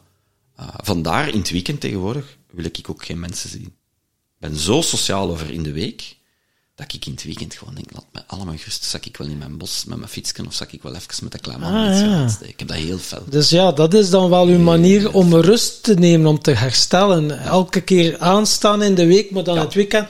Oh, gasten, nu je even... moet ergens op de rem gaan staan. Ja, ja. En het is oké, dat heeft ook heel lang geduurd. Het is oké om een keer. Het is ook echt straf, maar ik zit, wat ik het liefste doe in het weekend is dan zo de zondag opstaan voordat iedereen wakker is. En dan ga ik in de zetel zitten met een boken met zwarte chocolade. Dat is erg, hè? Mhm. En dan zet ik liefst zo documentaires op of zoiets echt onnozel. Zoals bijvoorbeeld de Kardashians of zo. En, ik kan dan er dan komen echt... de Simpsons. En mijn vrouw die zegt, ik snap dat niet, dat je daar zelfs kunt naar kijken. En ik zeg, it's so mindless, I enjoy it. Ja, ja, ja. En dan ja. ben ik nog bezig, hè. Tja, die haar businessmodel, hoe zou die dan geld verdienen? Pas op, dat, dat mogelijke staat altijd aan, hè. Tja, Haar businessmodel zit wel redelijk goed in orde. jongen, dat is niet normaal. Dat Daar klopt ook iets niet ergens, denk ik, heel de tijd, maar... Ja, of juist wel. Ja. Of juist wel. Die weet wat haar waarde is. En eh, ergens fascineert me wel dat je dan eh, eh, thuis opgroeit in een, eigenlijk in een salesomgeving, want Eigenlijk je pa was een, een echte verkoper. Ja. Je hebt daar een afkeer van, maar dat, daar toch, dat je daar toch je talent in ontdekt. Ik denk dat dat sterker is dan je eigen. Dus je moet eens goed inmelden. Hoe, hoe, je moet eigenlijk, als je onder stress komt, echt onder druk komt, dan gaat je eigenlijk altijd gaan naar je... In psychologie zullen er heel veel uitleg over zijn, maar ik noem dat je, je basis, je base layer. Wat je bent, je core. En ik zie dat als bij ons echt het kot ontploft. Het is, het is de laatste week extreem druk geweest. En je zet mij ergens een uur neer met een laptop en een gsm. En je zegt, je hebt een uur, doe je ding. Mocht doen wat je wilt. Weet je wat ik doe? Pak een nummer. Zeg, het is lang geleden dat ik je nog gehoord heb. Zet nog... Dat, dat, is die een, dat zit daar echt in. Dat is een druk dat daar moet. Dus dat en dingen maken. Ik vind het heel leuk om dingen te maken. Dat, dat en liefst die combinatie van de twee, ja, dan is het helemaal vertrokken. Dat zit daar echt in de diepte in. Dus ik denk dat ik daar ook niet kan aan ontsnappen. Ik ben ook gestopt om dat eraan te willen ontsnappen. Dat is het. Je hebt daar lang aan willen ontsnappen? Ja, omdat ik, ik vond dat ergens ook iets vies had. Hè. Ik daar straks gezegd, zo sales, dat kan iets vies hebben, dat kan een, een fout kantje hebben. En ehm, ik heb dat niet meer, denk ik, in mijn eigen. Als, je moet maar zorgen dat je product goed genoeg is. Hè. Je moet zien dat je iets hebt dat je fier over zijn, dat je zegt, oké, we zijn daar goed in, we zijn echt... En dat je daar, allee, uniek, als je al uniek kunt zijn, En dan heb je daar nooit geen probleem mee. Ja, dat is wel belangrijk. U, ja, dat vertrouwen terug in je product Maar ik- als weten. ik naar jullie kijk, jullie podcast, je zit er toch ook vier op, je zit er, je zit er alle zeker. twee gelukkig in Ja. de zetel. Ja, dat, dat kun je niet. Dat zijn hobbyisten, hè. Hobbyisten, dat zijn de ergste. Hobbyisten hebben altijd het beste materiaal. Je ziet dat bij de coureurs ook, hè. Die komen af met een fiets, die beter is dan de profiets. Kunnen ze goed fietsen? Nee, maar dat is, dat is obsessie. En wil je zeggen dat wij niet kunnen podcasten? Dat heb ik gezegd. Ik. Wel, als ik naar die microfoon kijk... eh, maar, maar eigenlijk, als je een hobbyist en je ontdekt de kracht van die hobby, die dan, dat, dat, dat, je daarvan, dat is die typisch iets zo rond die veertigste ook weer, zo, dan ontdekte van, ja, wat, wat doe ik echt graag? Ah, ik vind dat eigenlijk wel tof, kan ik daar eigenlijk geld mee verdienen? En zo is Keometic volledig aan het tand gelopen, is dan een business met acht mensen. En deze week heb ik me al een paar keer afgevraagd van, amai, eh, is het nog altijd leuk? Hè? Ja, het is nog altijd leuk. Twee, ik ben niet gemaakt om, om grote teams, dus ik mag dat ook niet. Dat moet kleinschalig blijven, want ik wil er geen 50 man in. Oké, ja, dan kunnen we dat verkopen voor veel geld. Eigenlijk, en dan verkoopt het, hè. Ken zo een, hè? Die verkoopt dat, net dan een Ferrari gekocht. En dan nog een Ferrari. Wat doen. Dus dat heeft hij gedaan. Al zijn geld gepakt, terug in een nieuwe business gestoken. Terug van nul eigenlijk, puur risico, maar met veel meer geld gedaan. Ja, dat wil ik dan ook niet. Dan denk ik, ja, dan... Ja, dat vind ik, dat zo de, de grens dat je oploopt. Maar terug naar de hobbyisten. hè. Ik, ik, vind het, ik, ik vind het heel leuk als ik jullie bezig zie. Ik, zie ik, ik herken mijn eigen er ook heel veel in. Is dan, ah, hoe gaan we dat schalen? Hoe kunnen we dat verder doen? Maar zorg dat je ook niet 95% van de tijd ermee bezig bent, want dan is het geen hobby meer. Dan is de liefde, gaat de liefde snel weg en dan gaat het denken, dan krijg je het tegenovergestelde. Dan wordt het werk. Ugh. Ja. Ja. Vies. Bah. Ja, de podcast op zich leuk, maar ja, de socials en alles, man, man, man. Dat is Dat het is, Ja, een- er, zit, er zit heel veel omheen, hè. Ja. De socials is een ongelooflijk hongerig beest. Als er één ding is dat mij opjaagt, dan is het elke twee dagen van oh, ik moet dat hier nog posten en in een tekst is het nu nog steeds. oh. Ah, uh. Ah. Ja, maar ja, jij kunt dat in het begin niet outsourcen. Nee. Nee, je Dat kunt dat niet outsourcen. En het was... Ja, je, je, eh, je kunt dat outzetten. Ja. Laat ik het zo zeggen. Eh, het was... eh ik denk dat wij al een jaar bezig waren. Ja, social media. In het begin doe je daar zo nog links en rechts een duwtje aan geven. Dan merkte dat je erop leeg loopt. Ja, ik had dan voor mezelf uitgemaakt, dan doe het gewoon niet. Doe het op onze manier. Hè. Dus onze podcast. Fuck it. Eh, het was Peter die ons erop attendeerde van, "Maar, gasten, ge- zei, waarom denkt u dat je podcast niet groeit? Ja, ja helaas. Allee, hij groeide wel, maar zo heel traag. Aandacht. Zei, waarom denk je dat hij zo langzaam groeit? Ja, aandacht. Eh, Social media, je visibiliteit zit niet oké. The way, als ik even een klein zijsprongje. Heel veel mensen denken aan viraliteit, van die start-ups die dan ontploffen en zo. Ik heb er nu letterlijk, ik hou zo een score bij. Ik pense dat ik er 350, 360 begeleid heb, of echt heb meegekeken. Van de 360 is er maar één die ineens echt ontploft is. Dus viraliteit, forget it. Dat is echt lucky shot. Je moet iets heel speciaal. Daarom zijn die ook niet zo goed. Hè. Dat is ook zoiets dat mensen moeten eigenlijk top Dat is niet. Meestal een tweede of een derde die wint. En nu wint hij omdat hij zijn façade goed ziet. Die heeft begrepen hoe dat aandacht in elkaar steekt. En dat is het nadeel aan die social. Je moet dat doen, dat hoort erbij, dat is een gazet. En je hebt, als je daar anders, op een andere abstracte manier over nadenkt, heb je wel de mogelijkheid om... Want eigenlijk wat je doet, is radio maken. Je zet je eigen radiostation. Dat is toch fantastisch? 50 jaar geleden. ja. Forget it, hè. En hoe maakte jij je radio Zaten we, in, zaten we in een bak. Ja, zat in een. Dat is een stoorzender ergens op een container. Ja. Dus je hebt wel een ongelooflijke opportuniteit, maar ik denk ook niet dat we alles moeten willen doen. Dus zie ik iedereen alles tegelijk doen? Ik denk dat je gewoon één kanaal heel goed kunt en een tweede kun je voor 50%. Dus ik geloof dat je één en half goed kunt beheersen. Bij mij is dat bijvoorbeeld LinkedIn. LinkedIn is bij mij place to be. Ik weet exact hoe dat, dat moet. Dat verandert al iets, maar als ik dan ga kijken naar mijn Instagram en Facebook en zo, of een TikTok, it's, dat is, ik vind dat niet goed genoeg. Ik krijg er al heeft- hoofdpijn van als ik eraan denk. Ja. Want, eh, ik heb me dan gefocust op Instagram voor, eh, voor de podcast, voor, als, als social media kanaal, omdat mij dat zelf het meeste ligt.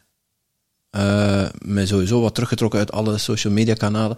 LinkedIn heb ik wat minder mee, maar er zit enorm, enorm veel potentie. Mhm. Facebook ook, enorm veel potentie. Community building, en, eh, zeker, ja. zeker als je dan, we hebben het pers- over persoonlijke groei, maar als je de stap spiritualiteit er ook bij pakt, dan is Facebook eigenlijk veel interessanter dan, dan Instagram. Ja. Puur naar het medium kijkend. Maar het gedacht alleen al dat ik hetzelfde in tijd en energie die we gestoken hebben in een Instagram-account voor onze Facebook of voor onze LinkedIn moeten doen. Nu, Oh. Instagram is, is een honger, is een, is een, ik heb er juist gezegd, maar Instagram is een zeer hongerige beest. Als ik dan een Andy bezig zie, dan denk ik, Andy. Het consumeren, bedoel je dan? LinkedIn heb ik gegroeid met één post per week. Hè. Dus het kan. Zie je? Hmm. Dus, dus sommige media zijn gemakkelijker als andere. Eh, TikTok is bijvoorbeeld ook een zeer hongerig dier. Hè. Ze zeggen, ah, het algoritme, maar je moet toch wel wat... Ik denk dat ook heel veel mensen het, het...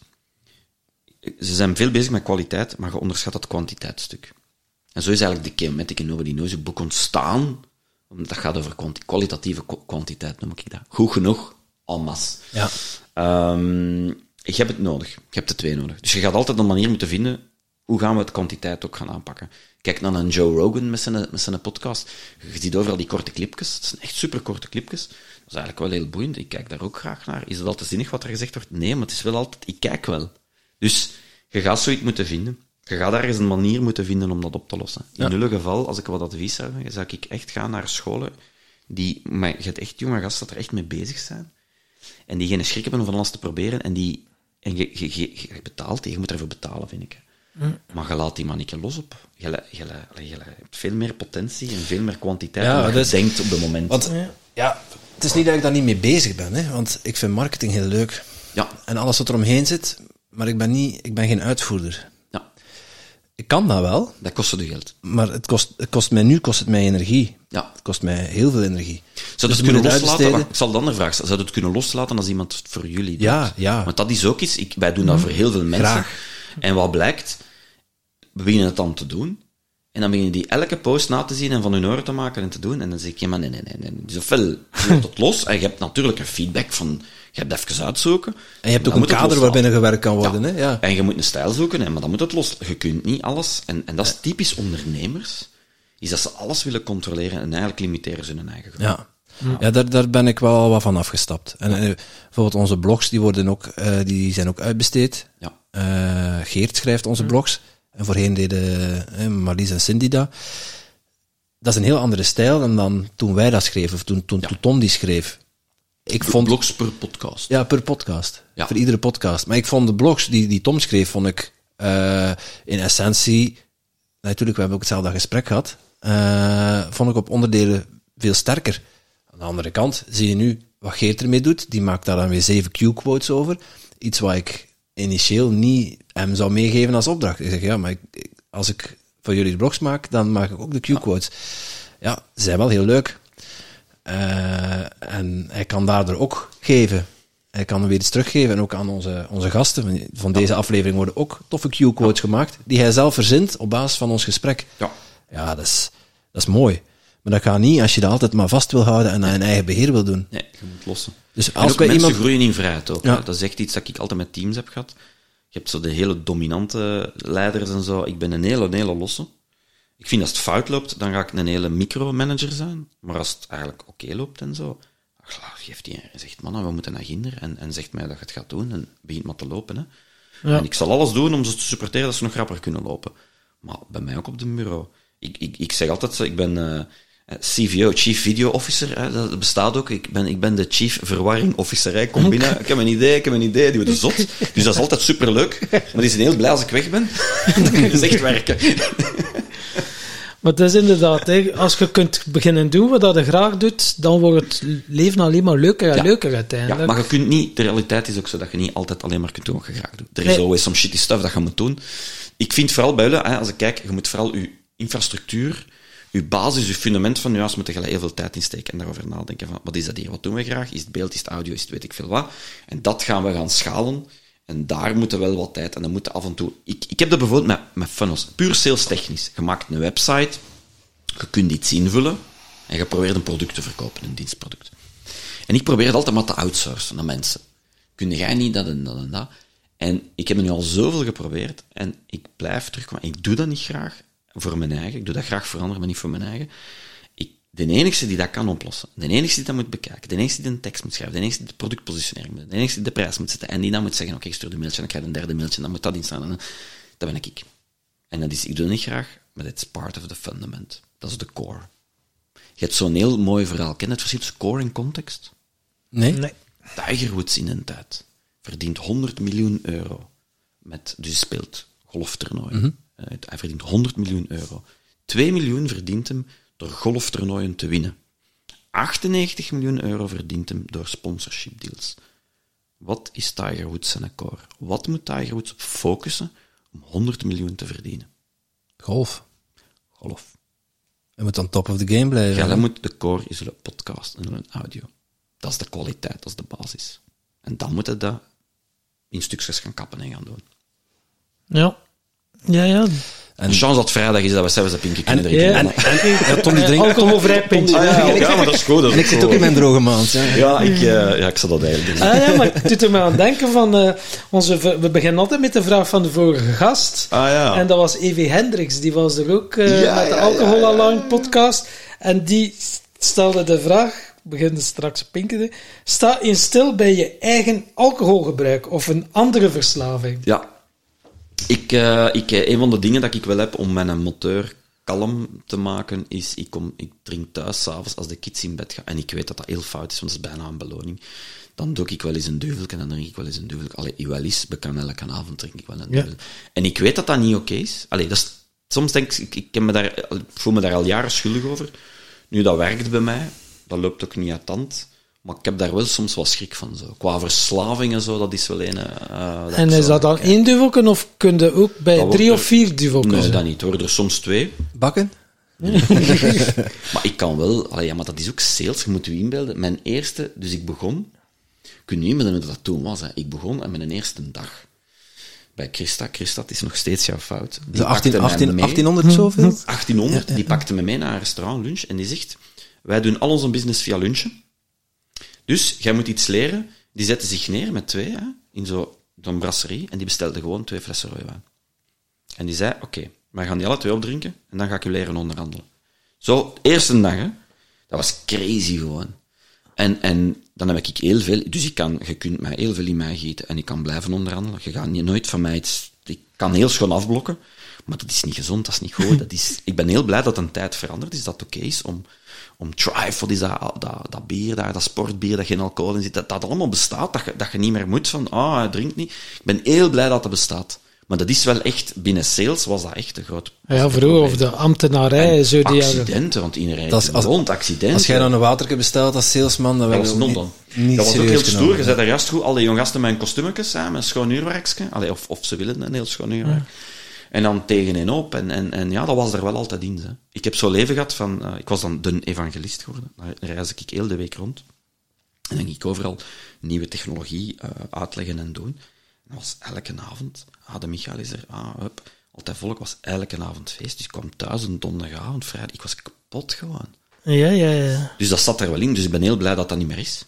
Dus ik denk dan met mijn één duvel, het is, ik weet dat het misschien niet oké is, maar echt. Ja, dat valt inderdaad wel mee. Maar Maar wel ja, alleen, of met de familie, niet met volk, zie je?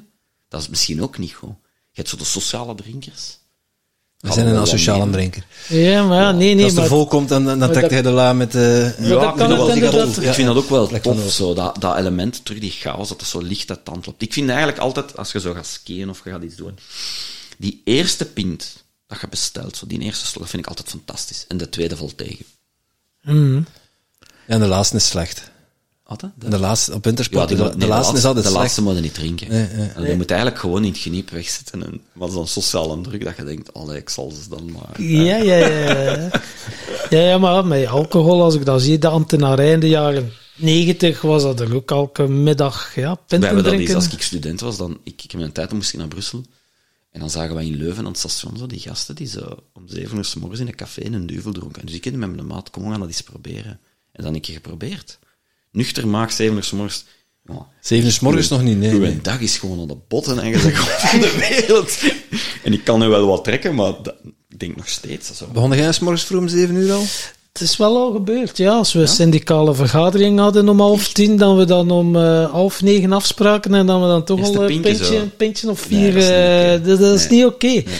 Weet ik, ik heb dat, het heeft twintig jaar geduurd eer dat ik dat door had, dat dat niet Ja. oké was. Dus, maar dan eh, toch wel besef in 2017, nee, nee, nee, de ambtenarij, syndicaat, eh, pup, pup. Hey, ik zeg niet dat alle syndicaten en alle ambtenaren en zo, die waren, het was wel de, wat de die hard, maar dat heb ik wel geleerd om nu ja, op de deur toe en geen alcohol meer en dat is helemaal oké. Ja. maar eh, ja, neem niet weg, ik kan me even goed amuseren als iemand wel een pint drinkt, maar het is wel een verschil. Vanaf dat ze drie, vier pinten drinken, is het een andere energie en daar heb Ja. ik dan precies ook geen behoefte meer aan. Nee. Dat, dat merk ik, Ik heb wel. dat ook heel lang, als ik dan eens niks drink of doe, dan vind ik het snel heel saai en ik word snel moe.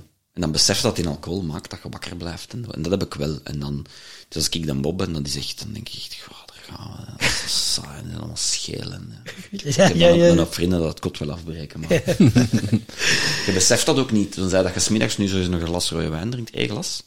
Dat je zo echt gewoon met je kop kunt in slaap vallen, dat is niet efficiënt. Dus ik probeer bijna, eigenlijk drink ik tegenwoordig bijna overdag bijna nooit niks. Dat zijn zo'n keer familietoestand of zo. Dan is dat s'avonds. Ja. Dat is eigenlijk, als ik nu denk over verslavingen, als ik dan verslaving mag noemen al, maar, maar dat is zo wat het enigste dat ik echt van... eh, ja, en ik eet zo... Ik, ik, heb, ik weet, ik ben continu in beweging, je ziet dat, hè. Ja. En ik, ik eet dan zo... Ik noem dat het toppunt van narcisme. Ik eet mezelf op. Die velletjes zo, daar... daar Ja, de vingers, ik aan ja, ja. bezig ben, Ja, aan ja, ja. En als ik daar niet aan het prutsen ben, dan begin ik zo... Ja, dat is echt... eh, Ja, ja, ja. Dat is ja. raar, hè. Dat is zo, ja, dat zal daarin zitten, hè. Ja.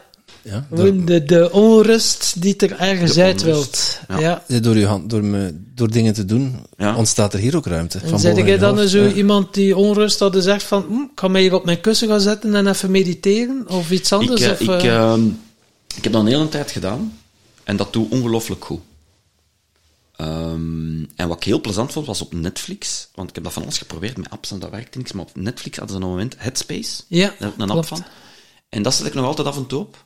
En dat werkt bij mij ongelooflijk goed. Maar ik mag dat niet te lang doen. Zo. Tussen 10 minuten en 20 minuten. En dan ben ik super kalm. Maar ik krijg daar geen ritme in, geen patroon in. Ja. Maar ik geloof er wel in. Ja, maar ik krijg daar geen ritme in. Je neemt dat ook mee in de gedurende dag. Hè? Het, is, het is een beetje, je kunt het zien als sporten. Ja. Hè? Dus je wordt niet sterker door, door, daar, eh, zeg je dat? Door, het, door het gewicht zelf vast te pakken. Je wordt sterker door te herstellen van het feit dat je dat gedaan hebt. Je, je hebt zo'n hele interessante theorie in die context, is als je het ongelooflijk druk hebt en je hebt heel veel te doen, moet je eigenlijk, eigenlijk als je zegt, oké, ik, heb hier acht uur en ik heb eigenlijk voor 16 uur werk, wat als ik maar twee uur werk had? Dat ik twee uur kon werken. Ik vind dat heel interessant, want dat is met alles eruit wat dan niet belangrijk is. En eigenlijk, ik heb zo met een gast gebabbeld die zo heel veel CEO's echt coachen, maar echt, echt een top, top, top. Allee, het was echt indrukwekkend. En die gast die zei, één, als je, het heel, als je heel veel stress hebt, moet ofwel veel meer sporten. Je moet eigenlijk zorgen dat die balans met je lichaam, dat je lichaam je uitput, want dan blijf je normaal, dan, dan trekt je die stress niet aan. Twee, ofwel moet je minder werken. Hij zegt, dan gaat veel efficiënter gaan werken. En dan was mediteren, ze, maar als ik in die fase kom, dan is het laatste wat ik mee bezig ben, en dat werkt eigenlijk. Hè. Gewoon, ik vond het vroeger, als we zo sales en wat een druk zat erop, dan pakte ik soms mijn team, midden van de nacht, kom, we gaan een uur op café en drinken. En eigenlijk, gestolen tijd vond ik altijd de beste tijd. Dat vond ik zalig. Even zo in een luchthaven een uur moeten wachten. Die een vliegtuig is vertraagd. Godver, maar je moet wachten. Ik heb vorig weekend mijn ketting gebroken op mijn fiets. Dat is de eerste keer. Nieuwe mountainbike, drie keer mee gefietst, ketting kapot. Fiets aan de kant, gebeld, en je moet een kwartier wachten tot mijn vrouw, mijn sportschoen, wat was dat? Dat vind ik ongelooflijk. Je moet wachten. En dan ontspan ik volledig. En dan zit ik hier. En dan zit nu zou ze met mij alles kunnen doen. Zo.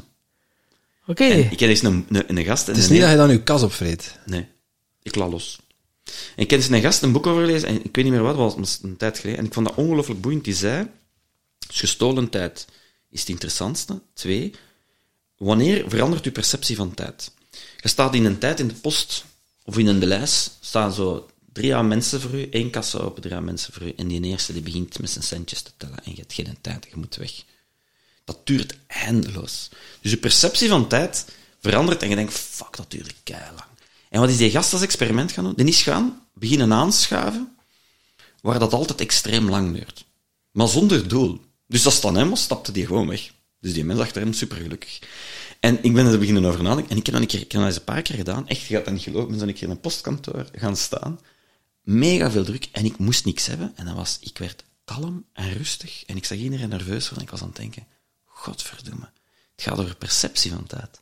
Dat is zeer intrigerend. Je moest niets hebben. Dat is als ik 60 ben, schrijf ik een boek over zo links. Hè? Niet over sales, maar over zo. Perceptie van wel- tijd en hoe ga je ermee om. En, en, en die een honger, en het zit erin, maar dat wil zeggen dat ik af en toe tijd kan kopen of kan stelen als ik dat een half uur kan ontsnappen en zo. Dat is eigenlijk wat wij doen, hè? tijd stelen van mensen. Ja. Ja, want uiteindelijk maakte dat ook zo. Nu podcasten zo gemiddeld twee uur, maar die een tijd staat precies stil. En dan zeggen ze, "Huh, we zijn wel Ik meer heb dan twee minuten. nog niet op mijn uur gekeken. Ik heb bewust deze morgen, heel raar, dat is het ook nooit, ik heb bewust geen e-mail, ik heb niks gedaan deze morgen. Ik heb gedacht, ik ga gewoon naar die mannen rijden, want dat is een serieuze rit. Ik heb van die emo-muziek onderweg opgezet, wat ik bijna nooit doe, dat ik echt zo in de vibe kwam van, het is vrijdag, we gaan een keer, ik ga gewoon een keer volgen. Ik ga meedrijven op, op, op wat er gebeurt. Ja, dus je hebt nog niks gedaan, maar... Ik heb nog niks kapot Eh, gemaakt, dat is ook al goed. Toch niet als eh, Timothy thuis was. nog niet. Ik mis wel een vaas. Die, die, die, die, die, die, Maar, die tafel eh, die buiten staat, is die van u? maar je hebt nog niks gedaan, maar heb je anders wel een ochtendroutine? Sta je op Ja. en is dat dus zoiets, yes, nu een ijsbad, Ja. tak, tak, Ja, tak. ja, ja. Die ijsbaden, by the way, ik geloof daar wel in. Eh, mijn vader is het beste voorbeeld, voordat dat gekend werd, voordat Wim Hof in de wereld was. Ja. Onze pa, die nam elke ochtend een koude douche. Dus ik ben eigenlijk als kind wakker geworden. Met een, een, onze pa naam, die was 58 als ze mij gemaakt was. Dus dat als ik kind was, dan was hij ergens in de 60. Dan hoorden wij die heel thuis bij hem brullen, elke ochtend. Dat was zo wat ritueel.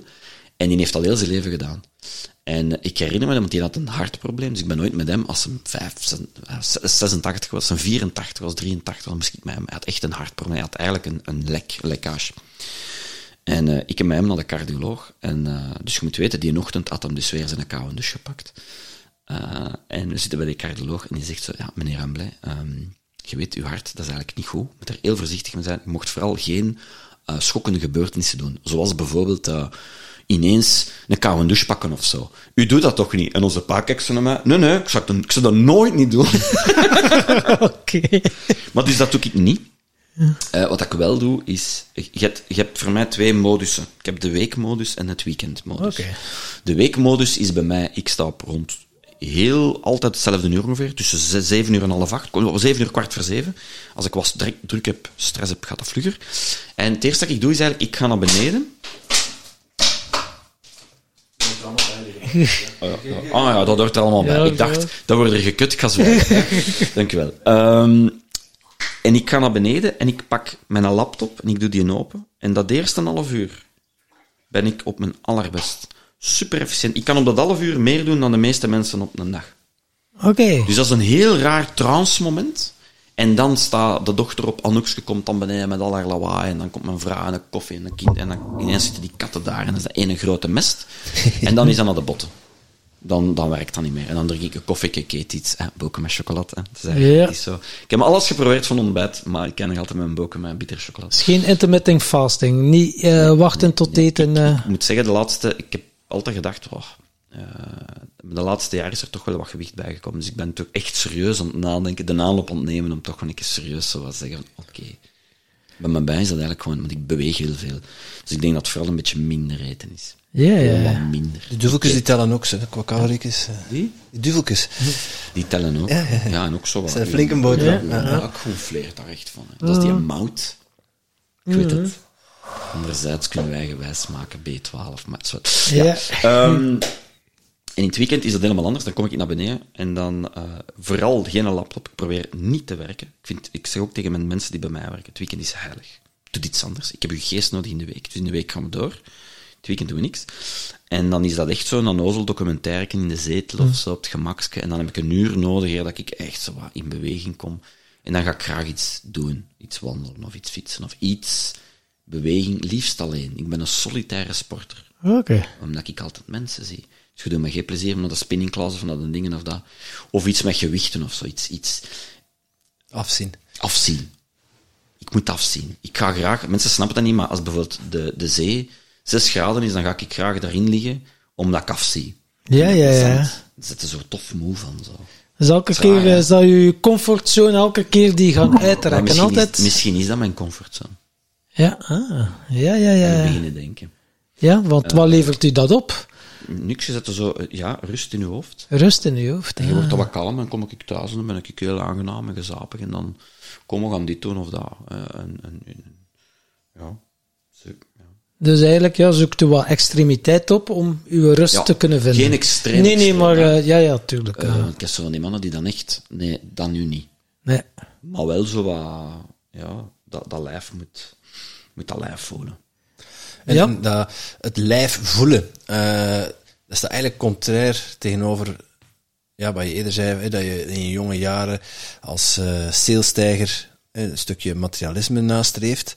Eh, ik denk dat dat vooral, is, dat is een stuk gedreven door je ego, door het denken. Eh, aan de andere kant kun je heel goed je lijf voelen. Is dat altijd zo geweest? Ik heb altijd gewicht gehoffen. Dat is begonnen als ik 16 was, dan zat ik ehm, in, in, in Leuven, was dat dingen, dan ging ik zo echt in zo'n gymzaal met van die powerlifters, dan ging ik meeliften. Bijvoorbeeld eh, Kim, in een tijd die loopster, dat er het Olympische... Kim Gevaert. Die was daar ook aan het, eh, aan het squatten en zo. Die, Ja. Amai, ik dacht, ga dat ook eens nadoen. Nee, die was dus echt kan ik u zeggen, manneke, was echt goed. Die deed dingen dat ik echt, dat is crazy gewoon. En dat is gebleven. Omdat je met gewichten, dat past ook weer in dat patroon van rusteloosheid, op een half uur kunnen fysiek echt op zijn. En ik heb dat nodig. Dat is iets heel raar. Dus dat zit er wel in. Met als gevolg dat ik nu wel voel aan mijn vingers en mijn gewrichten, dus ik maar een beetje voorzichtig, want dat Je voel had ik een kettlebell staan van 16 kilo? Ja, ja, maar dat is, dat is dus niks. Maar, maar Nee, maar als je een keer een kwartier of zo... ja, even, eh, even achtergrond. Ja. En het, en, het, en het andere voelen, zo de emoties en die gaan toelaten, of de onrust en zo. Ik, was, eh, ik ben wel een beetje een brok beton ook, de laatste, zeker de laatste jaren. Ehm, ik heb ook veel meegemaakt door scheidingen en ingewikkelde, allemaal ingewikkelde toestanden, heel veel emotie. Ik heb dat wel, maar de laatste tijd toch wel proberen dat toch een klein beetje ook af te schermen naar de wereld. Je hebt zo die mensen die alles op socials met dat gaat bij mij bijvoorbeeld niet zien. En misschien ook omdat ik heel veel eh, mensen ben tegengekomen die hun, op zoek zijn naar hun eigen en omgaan met die emotie. En als ik dan zo in de, de sector van een Andy ga kijken en zo.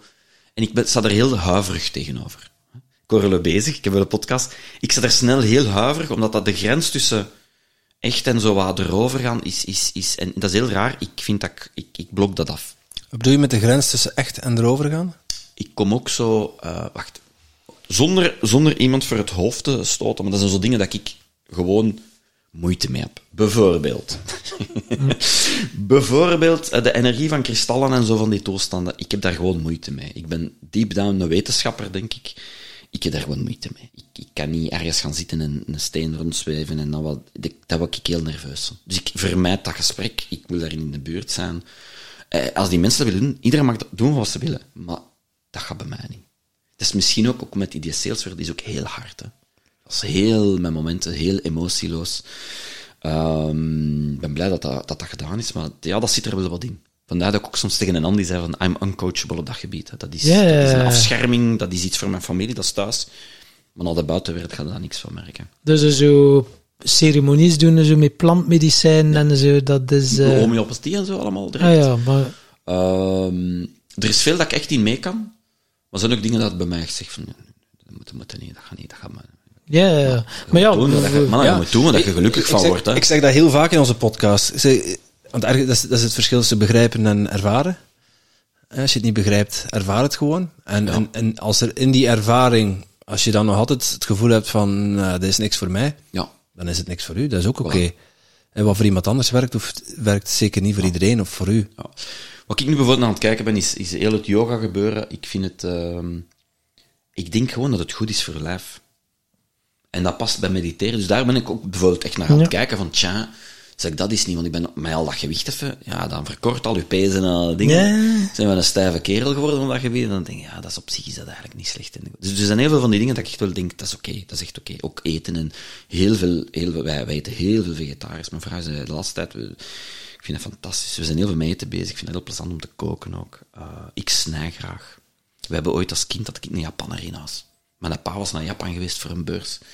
En hij had daar een kerel leren kennen. En die, hij had daar tegen gezegd, je hebt zo goed voor mij gezorgd. Als je ooit een kleine hebt en die wilt komen studeren aan de in Leuven, stuurt hij maar op, ik zorg daarvoor. Dus als ik zes, zeven jaar was, stond er ineens een Japaner. die letterlijk geen woord Vlaams kon. Die kon alleen maar Japans. Hè? Domo, arigato, daimemaste, zo van een ding. Dus, en onze pa, zot als ze mis, eh, ja, dus goed, eh Mikske, ik was Mikske thuis. Mikske, jij gaat even bij ons in de kamer slapen en die krijgt de slaapkamer. En die heeft gewoon twee jaar bij ons gewoond. en de deal was heel simpel, die moest niks betalen. Onze pa had gezegd, nee, jij gaat gewoon de, in het weekend, je mocht kiezen, zaterdag of zondag, ga je voor ons Japans koken. En dat was de zoon van een chef-kok. Dus wij hebben letterlijk twee jaar, elk weekend, dat echt van dat Japans eten. Maar dat is geen sushi, hè. Sushi konden ze niet betalen toen, hè, in Japan. Dus dat je dat goed weet, ons beeld van Japanse keuken is helemaal niet Japanse keuken. Dat is eigenlijk een soort luxe keuken die overgevlogen is. Dus dat was allemaal van die komieke nudeldingen en van die komieke soba-dingen en allemaal raar sausjes en zo. Dus, en die gast was altijd maar bezig over Japanse katana's, zwaarden en messen. En, en die, als klein manneke, mocht die dan meesnijden. En ik heb het op van die heel speciaal messen en snijden. Die, ik vind dat gewoon plezant, die een techniek. Dus als je, je maakte mij heel gelukkig met te zeggen, hier is een paprika, snijd hem eens in stukjes, Michael. En Ik heb nog, wat pa- ik heb nog patatten liggen. eh. Ja. Die moeten eerst geschild worden en... eh, Ik denk altijd de mensen denken, dat is een psychopaat. die Nee, nee, ik vind dat gewoon plezant, de, techniek. Dat is niet gemakkelijk. Ik vind dat plezant. het is niet het lijden van de paprika dat u vreugdig maakt eh, Nee. en vredig. Nee, nee. Wacht even, wacht, hoe komen we eigenlijk bij paprika's onthoofden We, we hadden het, over, we, hadden het eigenlijk over uw... uw eh, Voelen. Vertrouwen, Voelen. Voelen. Voelen Ja, en het voelen. eh, mediteren blok- en het blok- yoga. Ik ja. blok inderdaad wel wat af. Echt bewust. Dus, dus het stuk spiritualiteit, spirituele ontwikkeling, daar blijf je liever wat verder vanaf. Ik ben er heel veel mee bezig geweest. Als ik, want ik ging qua eigenlijk originele filosofie gaan studeren. En wat heb ik dan gedaan? In het zesde middelbaar dacht ik, voordat ik hier beslis filosofie te gaan studeren, ga ik daar heel veel over lezen. En dan heb ik heel veel gelezen over zo al de fameuze klassiekers. Al de, ik ben al begonnen met de Koran, want ik dacht, mij gaan ze niet hebben. Hè. Ik kan het eerst lezen. Hè. De Koran gelezen, de Bardo, tot al die, al die grote gekende boeken in de, in de, van de godsdiensten van de wereld. Allemaal gelezen. Heel veel filosofie gelezen, heel veel esoterische boeken gelezen, heel veel dingen die totaal over het randje, en dan gedacht, ik kan toch geen filosofie doen. Oké, ja, ja, maar de kennis hadden toch wel ergens al... eh, Ja, en, en dus ik ben daar wel allemaal mee bezig geweest. Eh, maar dan...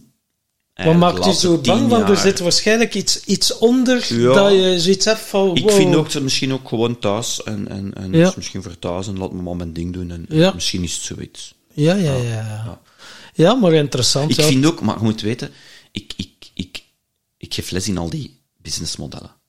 En ik ken heel veel van die mensen die zo'n producten, diensten, eh, sessies verkopen. En ik heb er zo'n heel aantal geholpen. Dus ik zie ook de binnenkant van die winkel bij sommige dingen. En bij sommige mensen denk ik van, hé hey, mannetjes, kom aan. Hè. Het is misschien goed begonnen, maar het is zo uit de hand gelopen. En ik heb daar dan moeite mee. En dan, eh, vandaar ook dat ik misschien een beetje ja, ja, op afstand ja. gedacht, ja, Ja, de, het kaf van het koren inderdaad, als je in die coachingswereld rondom jou kijkt. Maar dat is ook voor business coaching. Hè. Ja. Ik heb hetzelfde daarmee. Hè.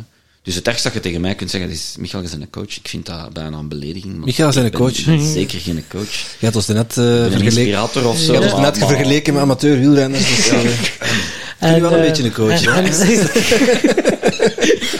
en- Zo met momenten met vlagen. Ik is dat. meevalt. Ik had gedacht, ze gaan nu met dingen gooien en zo.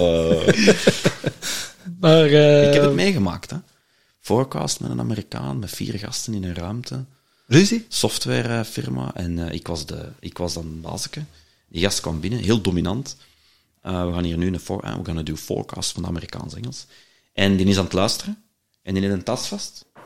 En ineens, out of nowhere, zie ik die, die tas recht naar mijn, nou, die gast voor mij werkt, recht, maar echt, echt op zijn kop mikken, die tas smijten. Hè. Dus die gast die bukt zich, die tas die springt kapot, iedereen veert daar recht en zo. En hij zegt, get out, you're fired. Zo, bam. En dan kijkt hij naar mij en dan moest iedereen buiten en dan zei hij, Michael, ga terug binnen. En ik ken hem voor, hij zegt, jij zit een baas, deze is uw verantwoordelijkheid. Zo van die toestanden. Dus echt wel tof, hè? Tof, tof, hè? dat is... En dan, eh dan werd ik ergens dingen, eh, ja, maar echt, echt ook slechte dingen. Ik heb ook geleerd hoe dat je het niet moet doen. Ik kwam ergens binnen, ik werd een baas in eh, Nederland, een groot spel in Nederland. Eh, ik was er dan directeur, ik ging er dan zit- zitten. Wat ik geleerd heb over de Nederlanders, het zijn ongelooflijk fijne mensen, maar het zijn echte regelneven. Oh. Ja. Dat dacht ik, ik dacht dat dat een vrij land was. Nee, maar ze hebben zelfs regeltjes om regeltjes te regelen. Is crazy. Ja, ja. Want wij Belgen beseffen dat niet. Wij denken, oh, ik was, ah, nee, oh, je mag veel meer. Oh my god, manneke. Dat viel tegen. Ehm, en daar was echt, ik begon daar. Mijn toenmalige baas die kwam binnen en zegt, proficiat met je job, dit en dat. En je ziet je daar passeren. Je eerste taak is om die en buiten te zetten. Want je vorige manager kon dat niet. Jij gaat dat doen. Maar ja, jong, naïef van Ozel, je wilde bewijzen. En ik zei, ja, maar ik ken die mensen, die heeft toch niks misdaan. hè? En hij zegt, Michael, ik ga het leven gemakkelijk maken. Zet jij of het is hem? En toen was dat voor mij een gemakkelijke keus. Nu zou ik denken, als jij zo zei, dan wil ik hier niet werken. En ik Ja, ben weg. dat ben ik. Dat is het verschil, hè? Maar dat heeft wel even geduurd dat ik daar was. Dat bedoel ik, maar ik heb veel genomen. Vandaar dat ik misschien iets, dat ik dat nu wil overcompenseren. Ik denk, Ja. heel veel in het leven dat wij doen, is dat wij ook willen overcompenseren. Van dingen dat we denken van, ja, dat is toch niet helemaal juist geweest. En het mooie, het mooie daarin zit, in het, in het moment dat je dingen doet, gewoon uit vrijblijvendheid, of omdat je voelt dat er een drive is om iets te willen doen voor iemand, het geven, dat er dan ook dingen terugstromen. Ja, maar dat moet je niet verwachten. Nee, je mag het niet verwachten, Ja. Ja. maar het is ergens een, een, het is een, een wetmatigheid Dat is wat... Vind jij, oh, ik we zijn toch helemaal filosofisch, vind jij dat de balans altijd hersteld wordt? Nee, Want dat geloof ik ook niet. nee. Je hebt Omdat- soms echt omdat ze- slecht, slecht, slecht. Juist, dat omdat, slecht ze, blijft. omdat, omdat ze misbruikt wordt. Ja. Ehm, maar ik, ik geloof wel dat.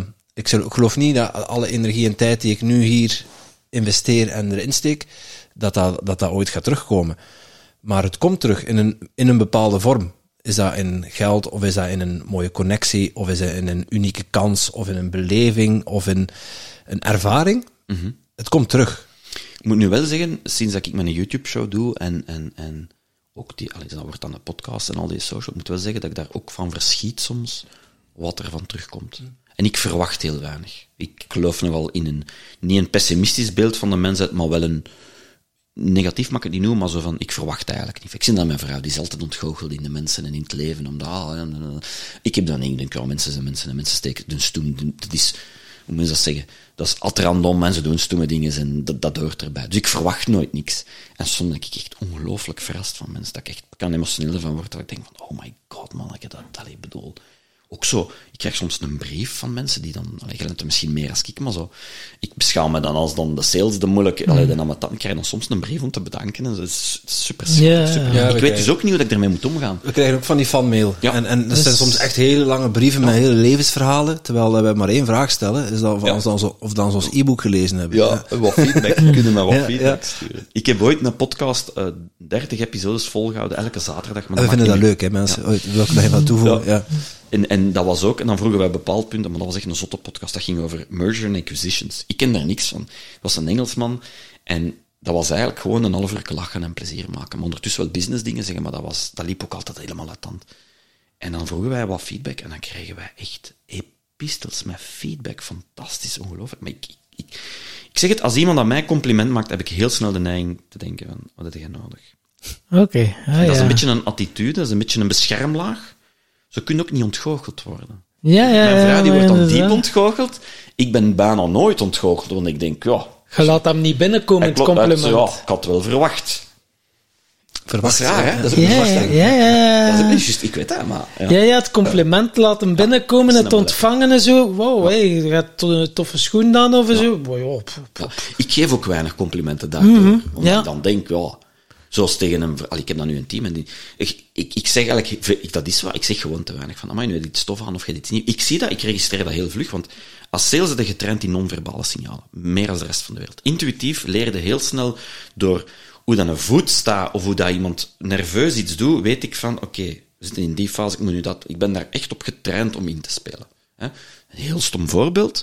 Dat is typisch wat ze noemen NLP, hè? neurolinguistisch programmeren. Als iemand met u praat en die staat met zijn voet een andere kant uit te wijzen, wil hij eigenlijk zeggen van, wrap it up, ik wil weg. Dat is een typisch non-verbaal gedrag. Maar zo de heel veel van die dingetjes, eh, van die dingen. Maar, maar, en toch doe ik dat. Ik weet dat, ik zie dat, en dat is precies dat mijn lijf dat gewoon, dat, dat blo- blokt dat af. Ja, ja, Omdat ja. ik dat ook raar vind dat ze dat bij mij doen. Terwijl dat er niks mis mee is. hè. Ik had zo onlangs zei het team van, ah, toch, hè, ja, zo'n een ding, ah, op de beste baas, en je werkt zo goed voor ons. Ik, ik zou niet weten wat ik moet kruipen. Hè. Maar dat Ik is kom dus binnen zo- en ik denk dan, ja, en, en wat moet ik nu doen? Het komt wel binnen. Ja, wat moet ik nu doen? Het is niet dat je er echt vanaf blokt. dat Nee, het komt binnen- hè. Komt binnen. Maar ik Dus blok wel eh, wat emotie af. Hè. Zo die een staat van alertheid. Zo. Vanaf dat er iets zegt, scannen van, oeh, is het wel veilig? Klopt er iets? Misschien. Wat is er iets nodig? Wat, wat ik ook merk, dat is ook iets heel raar. Bijvoorbeeld keynotes. Ik sta kei graag keynotes te geven. Ik, ik, het verhaal in maken en die slides maken en, en, en dat verhaal brengen en die stress. En, soms zucht ik dan wel iets, maar ik vind dat heel leuk. Ik denk ook dat je dat voelt als je mij bezig ziet. Dat, Ja. is echt, pff, dat loopt daaruit. Geademd dat uit, ja. Eh, maar het moment dat ik dat podium opstaat, ben ik een alpha-versie van mezelf. En daar mag echt letterlijk in je recht staan in de zaal, dat is ooit gebeurd, en niet beginnen roepen of doen. Op die moment, bring it on. Hè. En dat is iets heel raar, dat is ook een soort een mindset. En ik denk ook dat dat een bescherming is. Ik denk ook eerlijk gezegd dat je dat een beetje nodig hebt als je daar dat verhaal doet. Zoiets. En wat het effect daarvan is iets heel raar.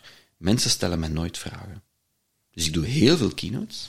Bijna niemand durft een vraag te stellen. Oké. Ze komen eigenlijk dan achteraf in de receptie zo. Zeg, Michael, mag ik eens iets vragen? Zo. En ik denk dat dat te maken heeft dat ik op die moment die, Die in energie die je alpha, zet. Dat is echt ja, puur, ja. dat adem ik uit zo van. En ik kijk ook naar de mensen, ik heb geen schrik, hè, maar...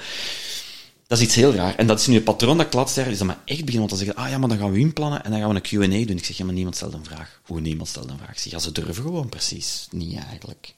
Ja, ja. Dus, dus misschien wel iets dat ik aan moet doen. Maar ja, hoe los ik dat op? Je zet ook wie dat je zijt, hoewel dat dan een slecht argument Het, is. pre het preframen, hè. Zeggen van, ja, kan er misschien vrij als alfaman uitkomen, maar Ik zal- ik bijt niet. Je kunt Ja, vragen wat ik nu doe is, ik zeg dus op voorhand, hè, hier de tips van de echte keynote-sprekers is, ik schrijf drie vragen op voorhand af en ik geef dan aan de organisator en ik zeg gewoon, ah, in het publiek zijn er drie vragen, die zal ik aan u stellen. En dan onttooit dat een beetje. Ja, Ja, ja, want het ja. is vaak degene die... eh, mensen durven niet als eerste een vraag te stellen, want... Dat is ook heel Vlaams, hè. Als je in Nederland zei, dan Ja, onderbreken ze je gewoon. Absoluut. Ja. En, en het is ook... Hier worden we ook heel de tijd onderbroken trouwens, maar... Dat, zo, zo- Ja, zou dat komen eigenlijk, ja. maar Dan moet hij vooruit gaan, hè, mannen. Ja, nongerken, hè. Het is nongerken, hè. hè. Zijn die die angst om... Het is ook een stukje kwetsbaar opstellen. Misschien is dat ook, dat ik dat afblok omdat ik geen goesting heb om de vraag. Dat ik denk, ja, wacht. Of dat je die zegt van... Ja, en dan nu de vragen. En dan staat er achter u, gelieve geen vragen te stellen. Ja. Vandaar dat ik ook, denk ik, zo reutel soms. Ik kan babbelen, babbelen, babbelen, babbelen. En als ik echt stress krijg, dan babbel ik nog vlugger. En, en, en, en ook, ik snap dingen heel vlug. Ik assimileer heel snel. Dus ik moet maar een half woord hebben en ik weet waar dat je toe gaat. Maar eigenlijk moet ik soms die mensen, zoals, zoals bij, ik heb dat bij ook, Je moet op je tong bijten. ruimte geven. En het probleem dan is, als ik een idee krijg, als we in de creatieve fase gaan, dan ben ik dat idee ook kwijt. Dat komt, fop, pop, dat is direct weg. Dus als ik dat niet zeg, is dat weg. Ja. En dan zit ik... Je kunt, dat ook je kunt dat ook opschrijven. Kennen zo die briefings van een klant, die begint dan en die wil dan een uur zijn business. En ik weet, ik moet dan ademen en die gewoon laten praten. Maar als je mij dat laat doen, dan ben ik dood. Dat was eigenlijk mijn vraag nu van... Je, je, je praat heel vlot. eh, er komen nog eens zinnige dingen uit ook. Soms. Valt val, val heel goed mee. Ja. Net een beetje een coachachtig, ja. Maar, ja, ik kan hem mee zijn. Hè. Oh. Maar kun je ook luisteren? Moeilijk. Moeilijk. Omdat ik ook niet veel nodig heb. Een paar woorden heb ik nodig om te luisteren. Maar ik heb ook mijn boeken en ik begin te lezen. En heel vlug begin ik dan zo snel te lezen. Hè. Ik assimileer heel vlug. Maar ik denk dat je soms ook... Wat ik bijvoorbeeld niet meer naar kan zien, zijn van die echte kunstfilms die heel traag gaan. Vroeger kon ik daar echt naar kijken en ervan genieten. En nu weet ik, dat is echt goed gemaakt. En dan begin ik te zappen. En ah, kom maar, wanneer gebeurt er iets? Ja, ja, ja. Dus Dat is ook eigenlijk, een beetje de rush dat je komt van, van... Ik heb te weinig tijd, dan moet hij vooruit gaan. dus eigenlijk TikTok is een zegen voor u. Allemaal in een Oh, wauw. kont en wak, tjak, tjak, tjak, tjak, Ja. tjak. Wat niet goed is eigenlijk. Nee, nee, dat is zeggen. Een verslaving, die dopamine is tjak, tjak, tjak, ja. tjak, tjak. Ja, dat is altijd tegen mij gezegd, ik ben een dopaminezoeker. Hè. De- Ja, ja, ja. Ja, maar, eh, ergens eh, goed kunnen uitleggen is, is een gave. Eh, maar eh, om, om dingen te begrijpen of om mensen verder te helpen, moet je ergens ook luisteren. Je zegt, ik heb al een half woord genoeg. Maar zijn er ook situaties waarvan je denkt van ja, nu was ik wel wat te snel met Ja, mijn assimileren en eh, met mijn denken? Ik heb dat soms dat, ik- dat ik dan links, als ik dan met iemand van mijn team ergens zit, of met mijn vrouw, en die kunnen dan zo naar mij kijken, en dat ik weet van, oei, ik heb te veel gebabbeld. Ik ben vier stappen te ver. Want wat er ook gebeurt dan, dat is nu echt iets stoom, dan, ik in mijn hoofd, je begint te babbelen, en je businessmodel is ondertussen al in mijn hoofd gemaakt. Ik zit al in de uitvoering twee stappen verder, hoe dat ik dat moet doen. En die mensen die zeggen dan, ah, fantastisch, Micha. En dan, de week erna zie ik die terug. En dan zeggen die, dan hebben die eigenlijk er niks van begrepen. En dan duurt mij dan drie, vier sessies. En dan zeggen die, ah, nu. En daar heb ik heel veel moeite mee, met die traagheid. Terwijl die mens gelijk heeft. Stroperigheid. Stroperigheid. En, en dat ik zo, ja, dat is echt goed woord, dat ga ik beginnen gebruiken. Daar, daar heb ik zot van. Zot, dus maar echt is- zot van. Je weet dat stroop eh, rapper vloeit als je het wel wat opwarmt. Hè? Ja, ja. Maar, maar hoe moet ik dat praktisch gaan doen? Ja, maar dat is, dat is, dat is aan u om dat te doen. dan. Maar dat is een heel mooie Ik heb het meegemaakt een paar weken geleden. Kopist. En een, een, een meneer met een fantastisch businessmodel. Maar daar zat geen thought leadership in. Dus hoe moet ik dat uitleggen? Heel veel mensen zijn expert. En de wereld weet dat niet. En dan gaan ze uitleggen hoe dat ze hun kennis gaan ze uitleggen. Maar je hebt daar nog een ander niveau in. En dat noemen ze thought leadership. Is dat, wat doet een thought leader? Die gaat ehm, een model maken. Die gaat zeggen, ik heb erover nagedacht, de wereld is heel complex. Ik ga je dat abstract voorstellen in drie of vijf stappen. Ja. En ik ga het model ter beschikking stellen. Een canvas, of eh, je kunt dat van alles doen. En die gast, die komt eraf met mijn verhaal, en ik dacht echt, wow. Zeg, je mist thought leadership. En ik pak, zeg, wacht, ik zie het. En ik pak, zeg, zo zou ik het doen. En ik pak een blad, en ik teken letterlijk een index uit. Hoe dat je kunt, eh, als, als ik zeg, dus je stelt tien vragen aan je klanten, Dus eigenlijk, als je erover nadenkt, kun je daar een score aan geven. Hoe gaan we die score dan visueel voorstellen, zodanig dat je naar klant kunt gaan en zeggen, oké, ik ga je tien vragen stellen, je die score. Oké, hoe raakt u nu van daar naar daar? Dat is uw model, en ik noem dat de, uh, uh, ik mag niet zeggen wat het is nu, de index. Supercool. Want Spillindex. tot leaders hebben indexen, al die dingen. En die gast zit erop te kijken, ik teken dat, en, en vond van mijn eigen zo echt een inval van het moment. Wauw, zo. Geniaal toch? Ja, geniaal. Zelf ja, maar ik vond, ik gevoel dat soms, aan, gevoel dat soms, want dat is een opvolk, gevoelde heel die zaal zo, oh, dat is het. En die gast die kijkt ernaar, die staat recht en die stapt buiten. En wij zo, wat is hier aan de hand? Tien minuten later komt die binnen en zegt, kom, dat is te veel. Leg dat nu nog eens uit. Ik heb dat echt acht keer moeten uitleggen. Op het einde heb ik het gewoon tegen iemand van mijn team gezegd, leg jij het eens uit. Ik doe dat ook met Tom altijd. We hebben dat dan gemaakt. En dan heb ik een mail gehad twee weken later. Nu snap ik het. Het is geniaal, we gaan het maken en het is dan nu binnenkort allemaal uit in de Dus ja, ook wel veel te maken met zijn representatie, ja, ik, representatiesysteem. Ik, ik, vond toen geniaal een inval, maar ik heb het niet kunnen communiceren. Snapte? Ja. En dat klinkt misschien wel raar, maar dat is eigenlijk erg. Eigenlijk ben ik niet goed. Omdat je niet dezelfde taal spreekt. In NLP-termen heb je mensen die visueel zijn. Jij zit visueel, tak, tak, tak. Maar je hebt ook mensen die kinesthetisch zijn. Die praten al wat trager.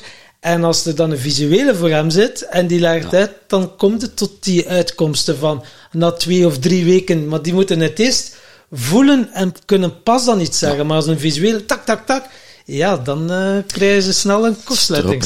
dat vind ik wel ja. Dat is eigenlijk exact wat dat omschrijving is. Zo dat... En, en in bepaalde... Het is, het is een mooie metafoor ook in deze, omdat in bepaalde omstandigheden is het juist heel vloeibaar. Mm. En uh, onder de juiste omstandigheden ja. het doet, doet, het, doet het de juiste dingen. Denk aan hydrauliekolie bijvoorbeeld. Hè? Als het koud is, dan, ja. Dan gaat het systeem niet, niet optimaal werken. Als het op temperatuur is, dan werkt het systeem. Denk, als je communiceert naar andere mensen, ik denk dat dat voor iedereen wel herkenbaar is. Van, en die zit op een andere, soms kunnen we zeggen op een andere golflengte of op een, oh, die, is, die is al tien stappen vooruit. We hadden het gisteren nog in, in de call. Uh, we waren met zes in een, uh, in, een, in een videocall en uh, iemand was iets aan het uitleggen. En, maar ik was al drie, vier stappen verder. Uh, Maarten, die, die zat er ook bij. Die zit een beetje hetzelfde in elkaar als ik. Dus ik zag hem ook al zo outtunen. Terwijl de rest was zo een discussie aan het voeren en ik dacht van, maar ik weet eigenlijk niet meer zo goed wat het over gaat. Wat bleek? Ze waren nog drie stappen terug. Ja. Erin blijven hangen en dat was dan hun idee. En ik zei, maar ik zit al... Ja. Ik zit al daar. Ik zei, hebben we het toch besproken? Ja. Door. Nee, nee, ze waren heel enthousiast over dat begin. En denk ik van, huh? Zo terug ik mails, hè, op het anderste zinnetje. Let's go, go, go. Maar, maar, maar, maar, dat, dan, dat dan ook uitspreken, er zit wel veel kracht in. Dus ook, ook voor mensen die, waarvoor het te snel gaat, om dat dan uit te spreken van, ja, maar oh, het gaat voor mij te snel of het is te veel. Ik vind het heel belangrijk, vooral voor de mensen die, die, die dan trager zijn, dat ze uitspreken van, ik ze niet mee, doe dat eens opnieuw, leg dat nog eens uit, ik snap het niet. Want dat, dat dwingt me dan ook wel om dat echt deftig ook, want ik spring soms te vlug, niet deftig uitgewerkt. Dus het is niet af. En dat is ook niet altijd goed. En je hebt mensen die zeggen, ja, maar ik kan mijn huis niet bouwen als dat fundament niet goed is. En hij godverdikke gelijk. Dat is mijn fout, hè. Dus ik wil wel zeggen, ook al is het niet wel geniaal, zeg ik, maar eigenlijk, als niet vertaald wordt... Voor mij valt heel veel op met heel veel business. Hoe komt dat sommigen wel goed werken en sommigen wel goed groeien? De sleutel zit in, in het operationele goed krijgen laten draaien. Als je dat kunt fixen. Het idee krijgen is gemakkelijk, vind mm. ik. Maar het operationele goed laten draaien, dat is wat dat je wint. En dat is een hele moeilijke. Dat is inderdaad wel uh, waar dan meeste tegenaan loopt. Maar bijvoorbeeld mensen die een onderneming, ze hebben een idee, een onderneming willen stappen. Hoe zetten zoiets? Dus ik heb eigenlijk tot mijn veertig gewacht op het idee. Of de idee, hoe dat je het wilt formuleren. Um, en ik moest een idee krijgen voor een firma te starten. En ik kreeg maar geen idee. Zo geniaal een software of dit. En ik kreeg maar geen idee. En dan ben ik dan gestopt en dan ben ik die starters beginnen helpen. En toen dacht ik, ja, ik moet eigenlijk geen idee hebben, want ik ben, ben zelf het idee. En, en dan het rare is, vanaf die moment kreeg ik elke week plots een inval, oh, dat zou ik een firma in kunnen starten. Dus dat was precies als ze dat kluisje hadden open gedaan. Nu nog, hè. En, en dat stroomt daar maar uit. Terwijl ik toen aan het wachten was, nu wacht ik niet meer, nu beweeg ik en ik zie ondertussen, ah, dat kan, dat kan, dat kan, dat kan. En soms heb ik, allez, ik heb heel veel geld of geen tijd, nu is het een andere beslissing. Maar meestal is het met, met, um, met eender welk business idee dat je hebt, staat hier aan, eender welk business idee dat je hebt, moet je eerst één ding fixen is, en vandaar dat ik een boek heb geschreven met de titel Nobody Knows You, is, zorgt dat je nu al, voordat je eraan begint, dat de mensen weten wie dat je bent rond je expertise, wat het ook mogen zijn. En je kunt er twee hebben. Dus ga kijken naar social, je kunt twee dingen combineren. Iets werkerig Je kunt er twee hebben? Ja, in na- personal brands en dergelijke. Je kunt twee dingen combineren. Je kunt je werk combineren met een hobby, dat gaat. Zeg je dat nu omdat je twee bedrijven hebt en geen zes? nee, omdat ik die vraag heel veel krijg. Mensen zeggen, ja, maar ik werk voor, eh, zeg maar iets, eh, ik moet oppassen wat ik zeg, maar ik zeg maar iets, een koekjesfabriek, maar mijn echte hobby is mountainbiken. Dat, dat gaat toch niet samen? Ja, dat gaat eigenlijk wel samen. En, en je mocht twee dingen, mensen kunnen twee dingen begrijpen, verteren, kunnen ze mee leven. Dat is zoals twee talen, dat gaat ook. Vlaams en Engels. Hè, in welke taal moet ik het doen? Maar gaat er een derde bij voegen en het wordt chaos. Dat lukt niet meer. Dus ik heb twee firma's, ik wou een derde. Ik ben eraan begonnen en gestopt is iets te veel. Dat gaat niet. Dat was te veel. Dat gaat niet. Er zijn, eh, er zijn ondernemers die wij ook in de podcast hebben gehad, die mede-ondernemingen hebben, die zes, zeven ondernemingen. Ja, maar dan Tony jij- Loorbach zelfs, zelfs tien of zo. Ja, Maar, die, maar, dan, maar, dan, maar dan zijn ze zelf niet... Dan zijn ze weinig bezig ermee. Je bent niet degene die vanuit een investeringsoogpunt bezig en je zit in de raad van bestuur, je laat dat lopen, je zoekt een goede leider en elk kwartaal gaat eens komen zien en die- dan gaat dat perfect. M- mijn droom was eigenlijk, en dat is ook raar, dat is nooit, nooit gekristalliseerd. Ik had gedacht, ah, ik doe mijn consulting en ik doe mijn sales consulting en ik ga er heel veel geld in verdienen. Ik zet een hoop opzij en ik begin te investeren. Als ik zelf geen software, weet ik veel wat kan bouwen, ik investeer. Ehm, dat is er nooit van gekomen. Omdat ik eigenlijk al het geld dat ik over had, ben beginnen opdoen aan productie van YouTube en al die dingen, omdat ik dat zo leuk vond. Want dat is duur. Ja, filmen, dat draaide verkeerd, echt video deftig is duur. Ehm, en dat vond ik wel zonde, dat is zo enige van de weinige frustraties dat ik denk, wat wat verdekken. Ik had toch gehoopt dat er wat meer potten ging zijn, omdat, ik heb dan een huis gebouwd, ik moet niet uitschrijven hoeveel dat, dat kost, omdat dat potten wat groter ging zijn om eigenlijk zo te schalen. Maar ik heb een idee daar rond. Watch me, geef me nog een jaar en een half en Oké, we, we, gaan, we wachten met spanning. Zeg je dan dat dat een andere vorm is van, van ondernemen? Bijvoorbeeld, eh, ik noem nu Tony Loorbach eh, van, de, van de UMI, van de, eh, goed bezig, ja. de IMU, sorry. Eh, supergoed bezig. Wa- Waar bij hun on- uit ontstaan is, is niet de drive om, om veel bedrijven te hebben, maar meer van, wij zijn hiermee bezig en we hebben nu dit nodig. Ja. We gaan dat, dat ontstaat bestaat nog niet, meestal. we gaan dat zelf bouwen. Ja, zo ontstaat het meestal. En dan krijgen ze wat ze noemen adjacent companies, firma's er rond. Bijvoorbeeld, je zou het nu kunnen zeggen bij Kiamatic, wij doen eigenlijk alles, hè, van creatie tot filmen, tot... Eigenlijk, wat ik zou willen, is dat het filmstuk, dat we dat eruit halen, en dat dat wordt dan een studio. En zo kun je eigenlijk ook beginnen... Maar ja, je wilt niet direct beginnen diversifiëren en die stukken kappen en doen. En, en allee, it has to make sense. Ik, ik denk met die agency heel veel na over. En je hebt nu ChatGPT en al die en AI. We zien dat de wereld heel veel naar VR, AR, meta, die dingen gaan. Ik ben daar heel veel over aan het nadenken van, wat maakt ons, of eender welk agency hè, in België, uniek? Waarom gaan ze ons... Stel dat die AI volledig echt op punt staat, schrijft het script, maakt de video, en dat kan de edit tonen. En we gaan daar naartoe, hè. Dat kan de perfecte edit. Waarom hebben ze ons dan nog nodig? Waarom ons? Waarom zijn we er? En, en dat is de belangrijkste vraag dat ik kan stellen om te zeggen, oké, wij moeten zorgen dat wij ons, ons daarop richten of daarop richten, want dat is langere termijn. En het is niet video's maken. Die video is bij mij een uitloopsel van, ik heb dat nodig om andere dingen te kunnen doen. Daar ben ik heel veel mee bezig. Voor die firma. Hè. Oké. En ik hoor jou zeggen van, hè, eh, je kunt twee dingen tegelijk doen. Eh, dan zijn we over, eh, zijn we een beetje van de hak op de tak gesprongen. Je zegt van, je, je kunt eigenlijk twee dingen tegelijk naast elkaar laten ontstaan. Hè. Je hebt, Ja, als je hebt een brand, groep- hè, voor de buitenwereld die naar u kijkt, Kun je dat uitleggen? zij, kunnen, zij krijgen twee dingen goed verwerkt. Een derde en een vierde wordt al zo wat concept, dan, dan, dan ja, wat is die allemaal aan het doen eigenlijk? Uh, en dat is een moeilijke.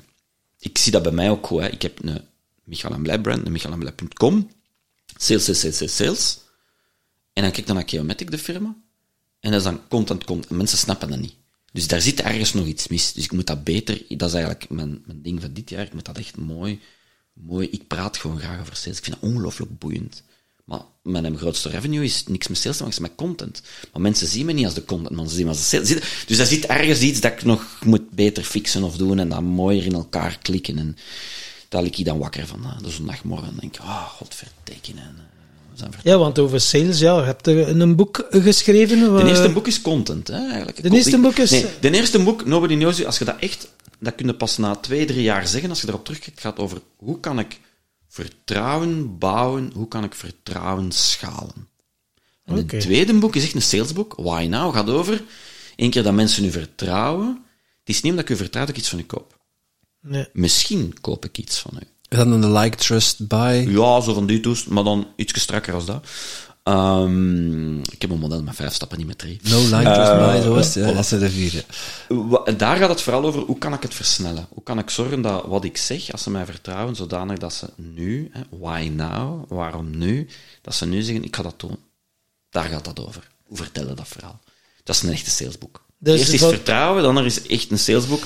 En de derde, die komt er ook aan ooit, maar ik ga nog niet te veel zeggen, dat gaat gaan over ehm, hoe combineerde alles op snelheid. Maar echt snelheid. Dus over vertrouwen en over sales. Wat zijn nu bijvoorbeeld echte sales tips dat is echt, als je er drie zou mogen uithalen, wat zijn nu een top drie van tips? Je, één, je moet je altijd focussen. Je weet nooit, één is, je weet nooit of dat mensen klaar zijn om te kopen of dat je te vroeg bent. Als jij koude aanpakken, cold approach, cold email, cold calling, eigenlijk zitten met hagel in een bos aan. Je weet het niet. En de statistieken ziet ongeveer hitratio 2,4 procent. 2, 2, 2,4. Dat is heel laag. Dus de grote winst voor mij in sales ligt hem niet in de koude aanpak, maar dat ligt hem in een stapje ervoor. Dat is, wat als je te vroeg bent? En om dat op te lossen, moet je eigenlijk je vertrouwen digitaal gaan schalen. Dat komt bij social en je expertise en je waarde. Dus dat is een hele belangrijke blok, dat je eigenlijk altijd inspeelt op die twee noden. En als je gaat kijken naar de grote technologiespelers, elke mail dat die mannen sturen, dus de podcast, elke mail dat je stuurt, moet je altijd, dat is tip 2, die twee keuzes geven. Zet te vroeg, leer bij, doe het zelf. Hier is advies om het zelf te doen. Of, ik heb nu een expert die je nu kan helpen. Dus altijd proberen te weten komen, ben ik te vroeg, ben ik op tijd? Wat zijn de twee opties dat ik kan geven? Altijd die twee keuzes. Je gaat dat altijd krijgen. En ook als derde tip is altijd nadenken over, wat is de volgende stap eigenlijk? En, en dat is zoiets dat heel weinig mensen bij stilstaan, maar bijvoorbeeld in B2B, als ik de eerste keer met jullie praat, ga je niet kopen, want je hebt een baas en je moet budgetten. En... Dus de volgende stap is niet die een deal close. De volgende stap is een tweede meeting krijgen. Dus hoe krijg ik een tweede meeting? Door iets te gaan aanbieden dat je niet aan kunt weerstaan. Zeg, ik heb met de concurrent gesproken. Ja, maar ik heb nu geen tijd. Zie je wat ik doe? Ja. De radiocommercial. Een beetje... Temptation Island. Ja, oh, daar een gaat van alles gebeuren. We weten dat er niks gaat gebeuren, maar toch gaan we kijken. We Klaas de pre-pumper. Ja, de pre-pumper. En dat moeten en dat moeten echt tot de perfectie duwen. Dus ik maak soms ook zinnen niet af. Pas op, dat is echt gewoon techniek. Ja, ja, ja. Dat is een dat- hele leuke. Ik dacht dat dat een afwijking was. Ja, nee, dat is... Nee, nee, het is echt technisch. Eerlijk gezegd is dat gewoon natuurlijk, maar ik verkoop het dan nu. ik verkoop het. Eh, mijn vrouw die kan dat soms zeggen. Hè. Kom die niet af met een verkoopstukje, zeggen ze die thuis, dat werkt er niet. Hè. Ik ken hem wel. Hè. Ja, ja, ja, ja. ja. Ja, maar ja, Ja, bij vrouwen telt dat ook niet, want als zij boos is of ze heeft die snoren, dan past ze dat wel allemaal toe op mij. En dan zeg ik soms, hé, hey, je weet dat ik daar les in geef. Dus, Ja, ja, ja, ja, ja, ja. Ja, maar ja, mijn partner kan ook een goede sales pitch geven af en toe, pijs ik. Absoluut. Ja. Absoluut. Ja, maar dat zijn mooie tips van oftewel wilde iets bijleren, oftewel wilde direct geholpen worden. Ja. Ja, en ik- En je moet die keuze geven, die vrijheid is belangrijk. En ik, ik vind ook wel, wat ik er dan uithaal is dat je, dat je eigenlijk, eh, als je het hebt over een e-maillijst of over volgers, er zijn dus eigenlijk twee typen mensen. Mensen die klaar zijn om, nu klaar zijn om bij u te kopen, Ja, die- en mensen die- die, die nog niet klaar zijn om te Dus de mensen die nu klaar zijn, die hun kot staat in brand, die hebben een nood. Wat het ook mogen zijn. Die moeten niets hebben en die zijn echt op, actief op zoek. De meeste websites in de wereld bijvoorbeeld, 90%, 95% van de websites, de content die ze aanbieden is, je hebt nu een probleem, je begrijpt je probleem, zo kan ik het oplossen. Maar dat is eigenlijk maar een lage conversie. De wereld is veel groter. Vandaar dat je ook moet inspelen op, zo kun je het zelf doen. En eh, dat is eigenlijk wat dat voor mij, zeker als je naar de toekomst gaat kijken, wordt dat superbelangrijk. Dat je mixt met personal brands. Maar ja, dan zijn we het ook in een speech van twee uur, hoe dat allemaal in elkaar zit. Maar ja, dat werkt wel. Gewoon die keuze geven. Moet niet pushen, gewoon zeggen, kijk, ik kan het oplossen voor u als je wilt. Of, hier, hier is een boekje, hier is dit. Jij geeft ook in een podcast tips en tricks. En Zeker. Uiteindelijk eh, doe ik dat nu met, mijn, met eh, onze coachingstrajecten die we geven, doe ik ook van, kijk, als je zet voor tips en adviezen, ik zeg, luister naar mijn podcast, dan Voilà. kost het u geen euro. Ja. Maar ik zeg, als je echt de diepte wilt ingaan, echt die transformatie wilt gaan maken, ik zeg, dat kunnen we je helpen, maar dan is het... eh, Ik heb zo mensen, onlangs ook vorige week nog, en die was dan zo van, ja, maar dat ging over prijs en dat bleef maar, maar, maar rond de pot. Dat was echt zo. En ik heb gewoon gezegd, maar er is een super gemakkelijke oplossing voor 34 euro. Koopt het een boek hier en je zet er vanaf. Goedkoper als dat kunnen nooit niet gaan. Uiteindelijk hebben ze gewoon besteld. Maar Ja. Soms moet je ook zeggen van, hé, hey, nu is het goed geweest, hè, de Ja. beslissingen. En dat is iets dat, ik praat heel veel over niet closen, volgende stap, al die dingen. Maar mensen beseffen niet van, van het moment dat je voelt, het is de moment, ja, dan, moet de, dan pas moet de hardcore sales closing gaan doen. Dan moet de, en de closing, ik heb heel veel daar training in gehad. En eigenlijk is de conclusie heel sim- simpel. Beste vrienden van de podcast, spreek het uit. Wat gaan we doen? Je legt gewoon bij je. Wat gaan we doen? Wat is de volgende stap?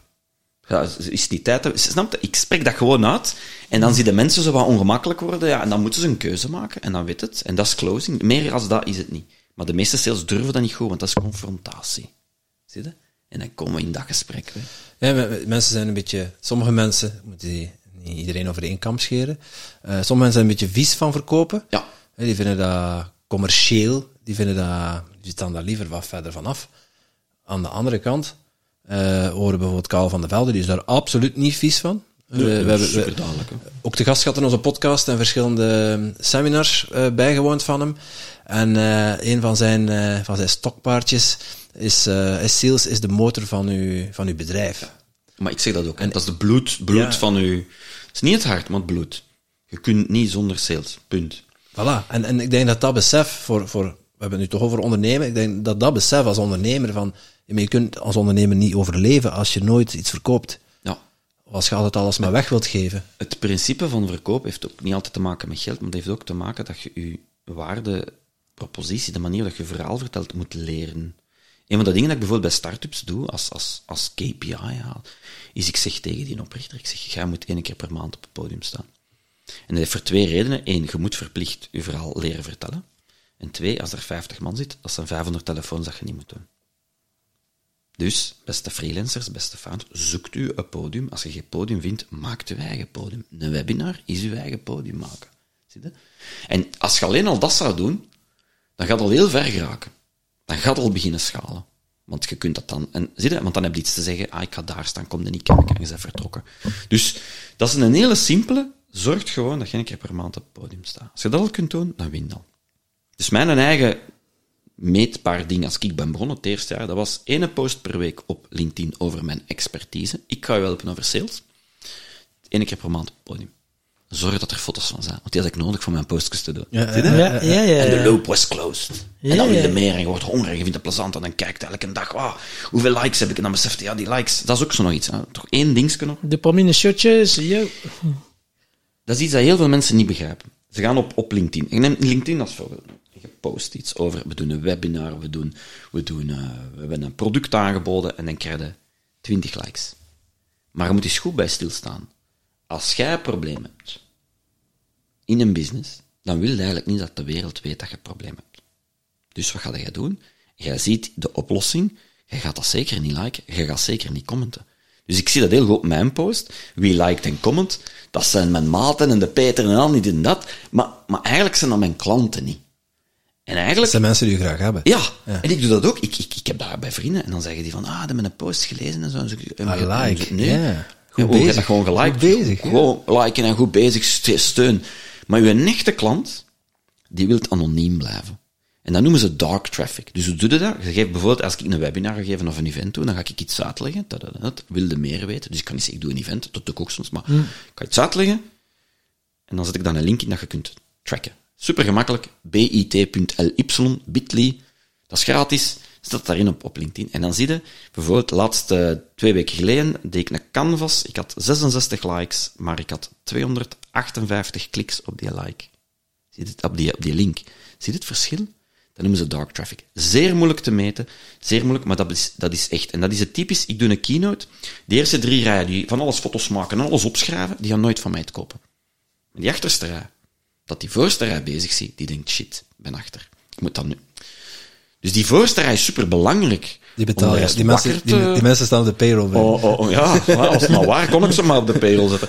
Om die achterste rij, maar de business zit in die achterste rij. En de business zit in die mens die in de stilte achter u komt, in de gang, die zegt, Ed en München, dat zijn uw echte klanten. Zo, dat moet je heel goed beseffen. Dark traffic noemen ze dat. Ja. Fantastisch Het zijn niet de roepers die er op de tafel staan, Nooit. de tafelspringers. Nee, nee. het zijn de mannen die commentaar geven dat ik een spellingsfout heb gemaakt, of die de het een op social, of die ze van hun dikke maken. ik vond een nieuwe boek opkomen. Zo, Nobody Likes You. Nobody likes you. Kleine tip, ja. Ja, we kunnen dat wel het teksten, hè. Nobody knows you, why now? De volgende moet daarin passen in die zin, hè. Nobody likes you, ja, voilà. And nobody likes you. En als nobody eh, likes you, als er niemand van je houdt, dan ga je je waarschijnlijk ongelukkig voelen. Of Ja. misschien ook niet. Maar wij hebben het vooral over geluk en succes. Dus wat is jouw definitie van geluk? Dat is een eh, hele goede vraag. Ik, eh, de, de, als je daarover, allee, ik was dat dus, wel lukken, want ik ben eruit aan het nadenken van, ja, iedereen heeft toch altijd het argument van, nee, maar ik wil gewoon gelukkig zijn. Maar wat is gelukkig zijn? Ik denk dat gelukkig, je kunt niet elke dag gelukkig zijn. Eh, ik denk, gisteren had ik bijvoorbeeld een hele, hele zware, moeilijke dag. Van, alle redenen, alles ging liep fout. Vooral omdat ik slecht geslapen had. Dan zijn ze moe. En meestal als je moe zijn ze de niet goed. Allee, dat is zoiets dat samenhangt. Voor mij zit geluk heel veel in de kleine dingen. Een geur, een beweging, een vorm dat ik zie, dat vijf minuten rust, de zon die plots opkomt, de zee dat gerikt, dat je in een mountainbike staat ergens boven en je denkt, wauw, fantastisch. En ondertussen denkt je, shit, ik moet hier naar beneden, ik durf eigenlijk niet. Dat, dat is voor mij geluk geworden. Dat. hè. Veel kleine dingetjes samen. Mooi. Prachtig. En Geluk en, eh, en succes gaan bij ons hand in hand. Eh, ik ben benieuwd wat jouw definitie is van geluk. Eh, van succes. Maar ik heb een podcast weer helemaal slecht. Hoe zijn wij ooit host of the year? Kunnen we dat nog? Ja. Ik vraag me ook af eigenlijk. Eh, succes, succes is dat je iets doet dat je graag doet en dat je er eigenlijk geld mee kunt verdienen. Dat is eigenlijk de perfecte definitie van succes. En dat, moet, dat mag heel kleinschalig zijn. Of dat kan heel groot zijn, maar is eigenlijk fundamenteel hetzelfde. En succes is voor iets waar je je geld aan kunt verdienen? Of als je geld verdient, dan, dan zijn Voor mij zit daar toch wel een soort monetair linksken altijd bij. ja. Hey, dat is nu heel open, hè, als je erover nadenkt, maar dat zit... Dat is- dat mag, anders is, het, Er is geen goed of fout. anders is het niet echt voor mij. Ik kan het niet uitleggen. Ja? Ja. Nee, maar dat is helemaal Ja. oké. Ja. Als je zegt van succes is voor mij een dikke Porsche rijden of, of weet ik veel wat, is ook oké. dikke hè? Porsche? Ja, ja. Ja. Dat is helemaal oké. Ehm, geluk en succes hebben we gehad. We moeten nu, eh, dat is een moedje, we moeten niet veel, maar eh, we moeten nu wel heel dringend vragen om nog een vraag te bedenken voor onze volgende gast. Wat is de grootste sales failure, hè, als het echt fout is gelopen, dat je ooit hebt meegemaakt, waar dat je eigenlijk daardoor echt je business hebt aangepakt, dat je echt een verandering hebt gedaan? Want het is eigenlijk niet door succes dat je groeit. Het is eigenlijk altijd door als het fout loopt. Dat vind ik Wat is de grootste sales failure Ja. die je hebt gedaan? Waardoor dat je echt je businessmodel ze beginnen aanpassen, zodat je echt wijzigingen hebt in je leven of in je team hebt aangebracht. Dat is een heel intrigerende vraag. Want je kunt soms denken, je bent goed bezig, en dan tegen een muur lopen, jong. Ja, een mooie vraag. Ja. Ja, ik wist niet dat je die vraag ging stellen. Hm. Ik kreeg al stress hier. hè. Ik was, al, ik was al aan het schuifelen op die stoel. Hè. Ik dacht, oei, Waarom is er een veel? hè? is, is dat nu de moment om te zeggen dat ik die tafel kapot heb gedaan? Of doen we dat zelfs... Eh, het is, eh, we zouden Als je een glas het opzet, samen dat je zo in gedaan. twee valt. duvelken, hè? het is vrijdag. Nee, nee, ik snap het. Mensen hebben geen idee wat het over gaat, maar dat is dan de insider. eh, ja, toen, toen ik thuis kwam daarnet, eh om de podcast op te nemen, stonden er opeens twee vreemde vogels in mijn huis. eh. Ja. Dus ik had Tom al toegang gegeven tot het huis, omdat ik nog niet eh, Als de deur open staat. thuis was. Dat is ook wel iets typisch sales. Ik voel me heel snel thuis. Dat is Wachtenbeek, hè. hier staat Ja. de achterdeur altijd Wachtenbeek, open. ja. Ja, even wacht wachten. een beetje. Yes. Mooi. Eh, jij hebt eh, twee boeken. Eh, we, gaan er, eh, we mogen er eentje weggeven, toch? Ja, tof. Absoluut. En ehm, ja, wat moeten de mensen daarvoor doen?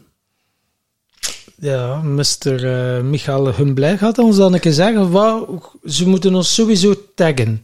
Eh, met de socials Ja. wel iets kunnen doen. Dus zou jij zo iets leuk Het- dan... als ik nu zeg, het, het interessantste is, vertel eens wat uw probleem is om te groeien of te schalen, maar dat gaan mensen niet doen. Want daar praten ze niet over, hè. daar juist dark traffic Ja. en zo. Ja. Ik ben ongelooflijk slecht in quizvragen stellen, tenzij dat ze zo ongelooflijk complex zijn. Dus ik weet het eigenlijk zelf niet goed, man. Ah ja, Dus ik was aan het hopen, ik geef dat aan die mannen en die lossen dat op voor mij. wij gaan dat oplossen. Een mooiste inzicht uit, eh uit dit gesprek? Ja, Het mooiste inzicht uit dit gesprek. Waar kun je iets mee doen zelf? Dat is ook Voilà. geen goed of fout, hè? Dus Nee, waar kun je zelf iets mee doen? Dat je denkt, oh, dat blijft plakken. ja, ja met welk inzicht ga je aan de slag? Of waar gaat hij inderdaad? Ze mogen ons taggen. Wij zijn Tim Tom Podcast op alle social media kanalen. Jij bent wat Michael en Blij gewoon. dubbel, dubbel te vinden, maar Ja. Michael en Blij. Michael en Blij is dus de gemakkelijkste. Ja. Pak die maar. Ja. En alternatief, als mensen eh, jou willen volgen voor de mooie content die jullie maken, kunnen ze terecht bij... Geomatic, dus schrijf zoals chaos, hè, Matic, chaos automatiseren, of eigenlijk gewoon Michael. Het is altijd die, die twee kanalen, die lopen heel veel in elkaar. Eh, en daar kan je alles op vinden. Super. En Ja, dan eh, zien we jullie ook nog een keer terug in mijn YouTube-show. Een fantastisch idee om jullie met twee op één klein te klein stoelje te zetten. Ah, Gewoon ja. een kwestie van dat heel We hebben, oncomfortabel al te in één, maken. we hebben al in één bed Ja. geslapen, dus en al die eh, foute is hier, dacht ik allemaal, van die mannen eh, een keer zien dat soms Ja, ja, doen, het is een kleine wereld. Aan die nijs en dan ons op een klein stoelje zetten en Ja, zo. Ja. We krijgen hier, we krijgen hier al de verdoken belofte, Tom. We krijgen hier al de verdoken belofte op dat we op de rooster gelegd worden. En wij hebben niet liever, dus eh Ja. ben benieuwd. Oké, hapje eten, denk ik dan. Ja, van eh, al dat eh, gepraat krijgen, kom er. Ja. Ja, voilà, zie. We gaan afsluiten. Dikke merci, maat. Merci. Merci. Yes. En jij natuurlijk ook super bedankt om te luisteren naar deze podcast. Voel jij je geïnspireerd? Je zou ons een enorm plezier doen door ons 5 sterren te geven of een review achter te laten in jouw favoriete podcast-app. En wil je geen enkel inspiratiemoment missen? Abonneer je dan op onze podcast of volg ons op social media at Tim Tom Podcast. Oké, okay, dan moet die weer terug aan de Tom.